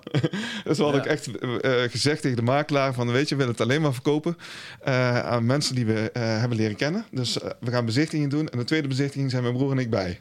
Ja. Maakt me niet uit of je het een goed idee vindt, zeggen we tegen de makelaar. Maar we willen het weten van wie we het verkopen. En we willen het ook alleen maar verkopen aan mensen die waarderen wat er is. En, ehm, Mooi. Ja. en eh, toen, ehm, eh, voordat we, het hele mooie van het proces is, we hadden het zo duidelijk met de makelaar afgestemd. Voordat het huis in de verkoop stond, voordat er ook maar foto's gemaakt waren, ehm, belden ze mij op. En zeiden ze van, ik heb mensen gevonden die precies bij jullie huis passen. Ja. En die zijn komen kijken op de dag dat foto's zijn gemaakt. Bizar. Ja. En eh, die vonden het huis prachtig. Drie dagen later eh, hebben we afspraak gemaakt op zondagmiddag. Zaten ze bij ons aan tafel. Hmm. En zijn we eruit gekomen. Ja. En hebben we precies de mensen gevonden eigenlijk die bij het huis pasten. Ja. En eh, het mooie van, dan vind ik het leuk om zo'n verhaal te delen. Maar dan vind ik het ook me- leuk om te delen van... hé, maar je hebt een bepaald idee over wat je wil. En daar ga je voor. Dan maak je keuzes voor. En als je daar heel specifiek eh, en heel duidelijk over bent... dan gaat ook alles die kant op. Ja. Dat is geen toeval dat we die Nee. mensen gevonden hebben. Nee, zeker niet. Nee, dat geloof ik ook niet. Maar dat vind ik wel leuk om zo'n verhaal te delen. Ja. Ja, mooi man. En, maar dat is, ja, weet je, dat is niet. Ik bedoel, ik deel het nou niet eens zozeer om, om dan mensen ergens naartoe te trekken, maar deel het gewoon om, om een ervaring te delen. Hmm. En om iets mee te geven van, hé, maar wij, ja, het- ik vond het gewoon een mooi verhaal. Ja. Ja. En eh, ja, ik vind het leuk om Ja, mooie, en- mooie verhalen te delen. En heel menselijk, dus daarom... eh, ja. Ik geloof over het, het algemeen wel eh, sowieso dat het heel goed is als je op social media iets doet. Om niet altijd iets te doen om, om iets te bereiken. Om iets te verkopen of om iets te...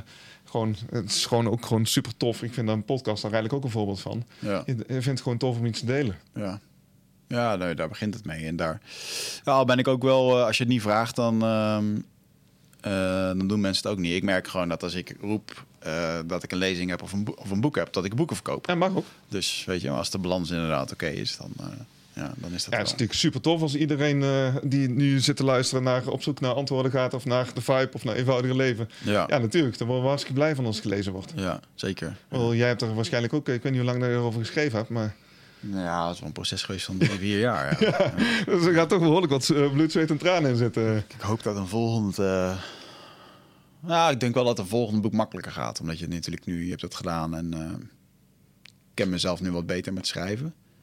Maar ehm, Weet, ja. je, weet je wat grappig was met mijn boek? Met, met, met Vibe was er best wel een, een, eh, ja, best, best wel een bestseller geworden. We hebben veel boeken van verkocht. En eh, toen had ik de verwachting van mezelf van... nou, moet, mijn volgende boek moet sowieso beter zijn. mhm. Niet zo'n handige verwachting. Oh ja? Ja. Ja, want dan ga je jezelf druk opleggen. Ja. En why? Waarom? Ja. En eh, dat heeft me heel lang geblokkeerd. Dus ik heb eigenlijk over eenvoudige leven... zeker de fase dat het eigenlijk nog niet tot iets concreets kwam... heeft heel lang geduurd. Terwijl ik wel aan het schrijven was, maar het was allemaal gewoon rubbish. Het was wel- ja, gewoon niet goed genoeg. Ja. Gewoon omdat ik in mijn eigen onzekerheid zat. En het moet beter zijn. En vervolgens merkte ik in één keer van... hé, maar het is mijn onzekerheid. Ik moet iets met die onzekerheid doen. Ik moet gewoon naar mijn energie gaan. En als ik goed in mijn energie zit, dan schrijf ik goed. Ja. En eh, dat opzoeken, dat gewoon weer proces naar jezelf. Ja. En eh, ja, weet je, als jij een volgend boek schrijft en je maakt een proces naar jezelf, dan gaat het sneller. Ja. Ja. Maar als je gaat verwachten van dat je volgende boek meer gaat verkopen, dan gaat het langzamer. ja, grappig ja. ja. Nou, ik hoef voorlopig nog niet aan te denken. Maar, Nee, maar dus ja. hey, maar eh, de titel Eenvoudige Leven vind ik wel echt koning. Want eh, heel veel dingen gaan over dingen gewoon simpel, simpeler maken. Ja. Eh, is dat de kern van, dit, eh, van, dit, eh, van de titel eigenlijk? Ja, het gaat eigenlijk over uitdagingen waar we het leven met, met te maken krijgen, met onzekerheid. Onzekerheid in mezelf. Eh, dat eh, je pas een oplossing vindt als je het in jezelf eh, gaat, gaat zoeken. Mhm. En diep in je, in je kern vind je de oplossing. In alle rust en stilte vind je de antwoorden. Ja. En ehm, ja, bij alle uitdagingen, ik vind het eigenlijk gewoon heel belangrijk voor mezelf om antwoorden te hebben op dingen die we allemaal, waar we allemaal mee te maken krijgen. Onzekerheid, stress, eh, mening van anderen, kritiek van anderen, eh, waardering van anderen. eh, afleiding. Al die, dat soort situaties. Ik vind dat we, ja, weet je, ik ben nu 47. Ik vind op mijn 47 wil ik gewoon graag antwoorden hebben voor, voor mezelf op gewoon algemene thema's waar ik ja, de rest van mijn leven ja, mee te maken krijg. Ja. En het leuke was eigenlijk, ik schreef een hoofdstuk over ongeduld, was hoofdstuk 9. En ik ben echt ongeduld zelf. Hè? Mm. Dat zou je misschien niet verwachten. Ik weet niet of je me zo zou inschatten, maar ik ben heel ongeduldig. Nee. Heel gedreven ook. En ehm, dus ik begon ook echt te schrijven. Ja, weet je, dit wordt alleen maar een heel komisch hoofdstuk. Want ja, ik ben echt mega ongeduldig. Ik, kan hier niemand iets aan meegeven. Want eh, ja, dat, is echt onmogelijk. Als ik de supermarkt inga, uh, dan scan ik meteen eh, welke kassa rustig is en welke rij rustig is. En als ik bij de kassa sta, dan probeer ik alleen maar zo snel mogelijk tot doorheen te zijn. En ja. ja, niks in mij is rustig dan. Ja. En dus ik ben ongeduld zelf. dus ik was allemaal dat soort verhalen aan het vertellen. En op een gegeven moment dacht ik van, ja, maar ben ik eigenlijk altijd ongeduldig? Ben ik, is het echt zo erg? En toen dacht ik van, nee, maar wacht eens even. Ik ben niet altijd ongeduldig. Uh, ik ben ooit duizend dagen achter elkaar gaan bloggen. Elke dag een positief bericht. En er zat helemaal geen doelstellingen achter. En ik vond het heerlijk om te doen. Ja. En dat was echt, uh, ik voelde me zo zalig in die tijd. Van, van hé, hey, maar zonder verwachting ergens gewoon vanuit passie mee bezig zijn. En uh, zonder verwachtingen ook in de, in de resultaten. En het werd, vanzelf werd het groter en meer mensen gingen het volgen. Ja.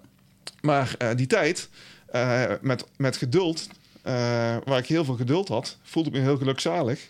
Omdat ik die, die stress van ongeduld zo goed ken, mm. ken ik de gelukzaligheid van geduld ook heel erg. Ja. En ik kwam er dus achter dat daar waar ik heel geduldig ben, ben ik het meest succesvol.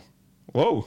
Ah ja, interessant is dat. Wow. Ja. Voor een ongeduldig persoon is dat eigenlijk gewoon wel een waanzinnig mooi inzicht. Ja omdat uh, je daar ontzettend veel mee kan. Je begon het hele verhaal, maar je bent al zo lang steady bezig. Mm. Ja, we hebben niet een bereik van, één, van dag 0 op dag 1 bereikt. Wij, wij bereiken niet, we hebben niet een half miljoen volgers op Facebook, omdat we er gisteren mee zijn begonnen. Nee, nee, nee. Daar zijn we tien jaar geleden mee begonnen. Ja. En we doen het nog steeds. Ja. En over tien jaar zullen we het waarschijnlijk nog steeds doen. Ja, ja dat is mooi. Als, je dat Als Facebook dan nog te bestaan natuurlijk. Maar... Ja, ja, ja. ja, zet je daar ook een beetje op in, op andere kanalen ook? In de... ik, vind het, ik vind Instagram ook gaaf. Ja. En ik vind LinkedIn ook gaaf. En uh, waarschijnlijk komen er ook weer heel veel nieuwe dingen. Ja. En uh, dat is super interessant. Vind ik ook leuk om te doen. Ja. Als nu morgen, uh, als morgen alles weg zou vagen, wat zou je dan gaan doen? Hetzelfde. Maar voor mij niks uit. Ja. Ja, Ja, ja. ja, maar je hebt natuurlijk, maar je hebt nu natuurlijk alles al staan. Hoe zou je dan, wat zou je, hoe zou je onderneming inrichten? Um, ik zou, uh, uh, weet je, een van de belangrijkste dingen als een ondernemer is vindingrijker zijn. Mm -hmm. Antwoorden vinden. Je, je, gaat onherroepelijk met problemen te maken krijgen. Ja. Dus vindingrijkheid is gewoon het allerbelangrijkste. Ja. En in jezelf geloven dat je de antwoorden gaat vinden. Mm. En ja, weet je, ik geloof heel erg dat ik de antwoorden ga vinden. Ja. Want ik weet waar ik ze moet zoeken. Ja. En dus ja, als, als Facebook er in één keer mee ophoudt bijvoorbeeld. Ja, weet je, dat zal best wel een impact hebben op ons, op ons bedrijf. Ja. Maar ja, weet je, ik weet best wel dat, dat ik dan gewoon andere antwoorden moet gaan vinden. Ja. ja. En, en dat is ook wel weer het hele leuke ervan. Ja, als alles heel voorspelbaar is en, en nooit verandert. Ja, ik vind het niet leuk. Ja, ja eens. Ja. Als onder... En, en dat, dat, is ook het mooie van, dat is ook het mooie van de crisis eigenlijk, hè? Want ondernemers worden getest op hun vindingrijkheid. Ja. Ja, zeker wel. Nou, ik, ik denk ook wel dat er een... Uh, ja, ik zeg het er zijn, er, zijn, er zijn een hoop ondernemers die echt gewoon uh, met hun rug tegen de muur staan. En uh, ik bedoel, als jij gewoon 14 jaar lang een kroeg hebt gehad of een restaurant en je mag gewoon niet doen, dan is het heel lastig om online cursussen te gaan verkopen, weet je wel. Dan, zo wordt er wel eens gechargeerd van ja, dan moeten ze maar wat anders gaan doen. Maar dat is echt wel... ja, maar, maar het, dat het lastig is, dat is onherroepelijk zo. Dat is echt absoluut zo. Het kan zeker. Maar het hele grote voordeel van dat lastig is, dat voor iedereen lastig is.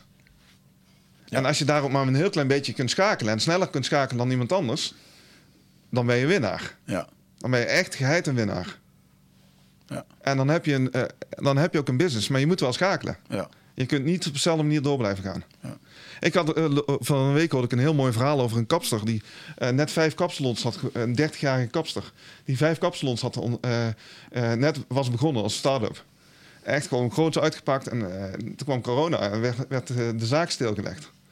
En uh, ja, ze was natuurlijk gewoon in paniek van, ja, wat is er gebeurd? En ja. het eerste wat ze gedaan heeft, is, ze heeft op een gegeven moment gezegd, ja, mensen kunnen niet naar de kapper. Dus moet ik zorgen dat ze zichzelf kunnen knippen. Ja. Dus die heeft allemaal thuis uh, knipspullen is ze gaan verkopen via een webshop. En ze is trainingen gaan, gaan geven hoe je jezelf kunt knippen. Ja, ja echt. Dat vind ik, vind ik rijk. Ja, dat is geniaal. Ja, dat vind ik echt geniaal. Ja, Maar ik kan me wel voorstellen dat er een hoop ondernemers zijn die dat... Ja, nee, maar dat is absoluut zo. Dat is absoluut zo. Dus ik wil niet zeggen dat het makkelijk is. Nee. Maar het is wel zo dat als je zelf sterk bent en vind je rijk bent... Ja, zeker wel. Dan vind je de antwoorden. Niet, kijk, als je gaat lopen klagen en lopen, lopen schoppen... Ja. dan ga je de antwoorden sowieso niet vinden. Nee, nee. Uh, als de situatie verandert, dan moet je erop inspelen. Nee. En, en, dat is wel het voordeel. Als je daar sterk in bent, dan, uh, ja, dan zijn crisissen vaak de grootste kansen. Ja. Chinees uh, spreuk, geloof ik. Uh, om hem een beetje af te ronden ja. en um, even het bochtje te maken van de ondernemer naar de, de, de gewone de Nederlander, niet ondernemer. Uh -huh. Hoe kan die beter uit de crisis komen? Uh, sowieso elke dag bezig zijn met waar je dankbaar voor bent, wat er nog wel is. Hmm. En daar je aandacht op richten. En je niet te veel bezighouden met de dingen die je frustreren. Ja. Gewoon kijken, echt gewoon 100% kijken van waar heb je invloed op en waar heb je geen invloed op. Hmm. Mijn pa en mijn ma die zijn dood. Ja, daar heb ik geen invloed meer op. Nee. Ik heb geen, nog geen nieuws gehoord dat je doden weer kunt, uit de as kunt laten reizen. Dus uh, en dan zal het niet gebeuren. Nee. Dus ja, daar heb ik geen invloed op. Dus daar moet ik niet mee bezig zijn. Ja. Maar ik heb wel invloed op hoe dat ik me daarbij voel. En hoe dat ik uh, mijn ouders in mij laat, laat, laat, laat blijven leven. Ik neem ze in mijn hart mee. Ja. Zijn er altijd bij me. Ja. En uh, dus ja, ga je bezighouden met alles wat had moeten zijn, of ga je, of ga je bezighouden met wat er is en maak je daar het beste van. Ja, het klinkt echt gewoon zo makkelijk, maar het is gewoon wel echt uh, de keuze die je elke dag daarin maakt. Nou, ik denk dat de, de simpelheid erin juist hetgeen is wat we nu nodig hebben. Het wordt Ja. zo complex gemaakt met alles wat je Ja, moet doen. Maar... En te veel gaat ook niet werken, want dan wordt het weer te veel. Dus hou je aan een van deze dingen de komende weken. En uh, Ja, je gaat waarschijnlijk al verbetering zien. maar dan zeg je zoiets moois. Om gewoontes te creëren moet je eigenlijk gewoon één klein ding, gewoon echt gewoon een, week of een maand lang gewoon blijven doen. En dan gewoon zorgen dat je daar gewoon een ritme in creëert en op een vast moment blijft doen. Hmm. Eh, ga gewoon elke dag even drie dingen opschrijven waar je dankbaar voor bent. En maak daar een gewoonte van. Dat is echt super simpel. Je bent er vijf minuten mee klaar. Hè, ook als je de waarom vraagt nog even bij stelt. Hmm. En ja, en je zult merken dat het gewoon over een maand gewoon anders is voor je. Ja. Echt gegarandeerd. Mooi. Nice, Dankjewel, man. Ja. Dankjewel voor je openheid. En, Ja. eh, ja, Graag gedaan. Je, Ik hebt, vond je, je hebt je hart wel op tafel gelegd hier. Ja, te doen. Ja. Ja, dit is wie ik ben. Nou, mooi hoe je dat met de tranen in je ogen ook kan vertellen. En, eh, en daar ook niet moeilijk over doet om dat te laten zien. Nee, ja, Dus eh, graag gedaan. dankjewel. Ik vond het heel fijn om hier te zijn. Voor eh, de luisteraars, eh, ga eventjes naar voorpositiviteit.nl en eh, koop zo'n boeken, cursussen, et cetera. En ehm, wij zien jullie weer bij een volgende aflevering. Ehm, ja, dat was hem. Volgende aflevering. Tot dan, jongens. Dankjewel.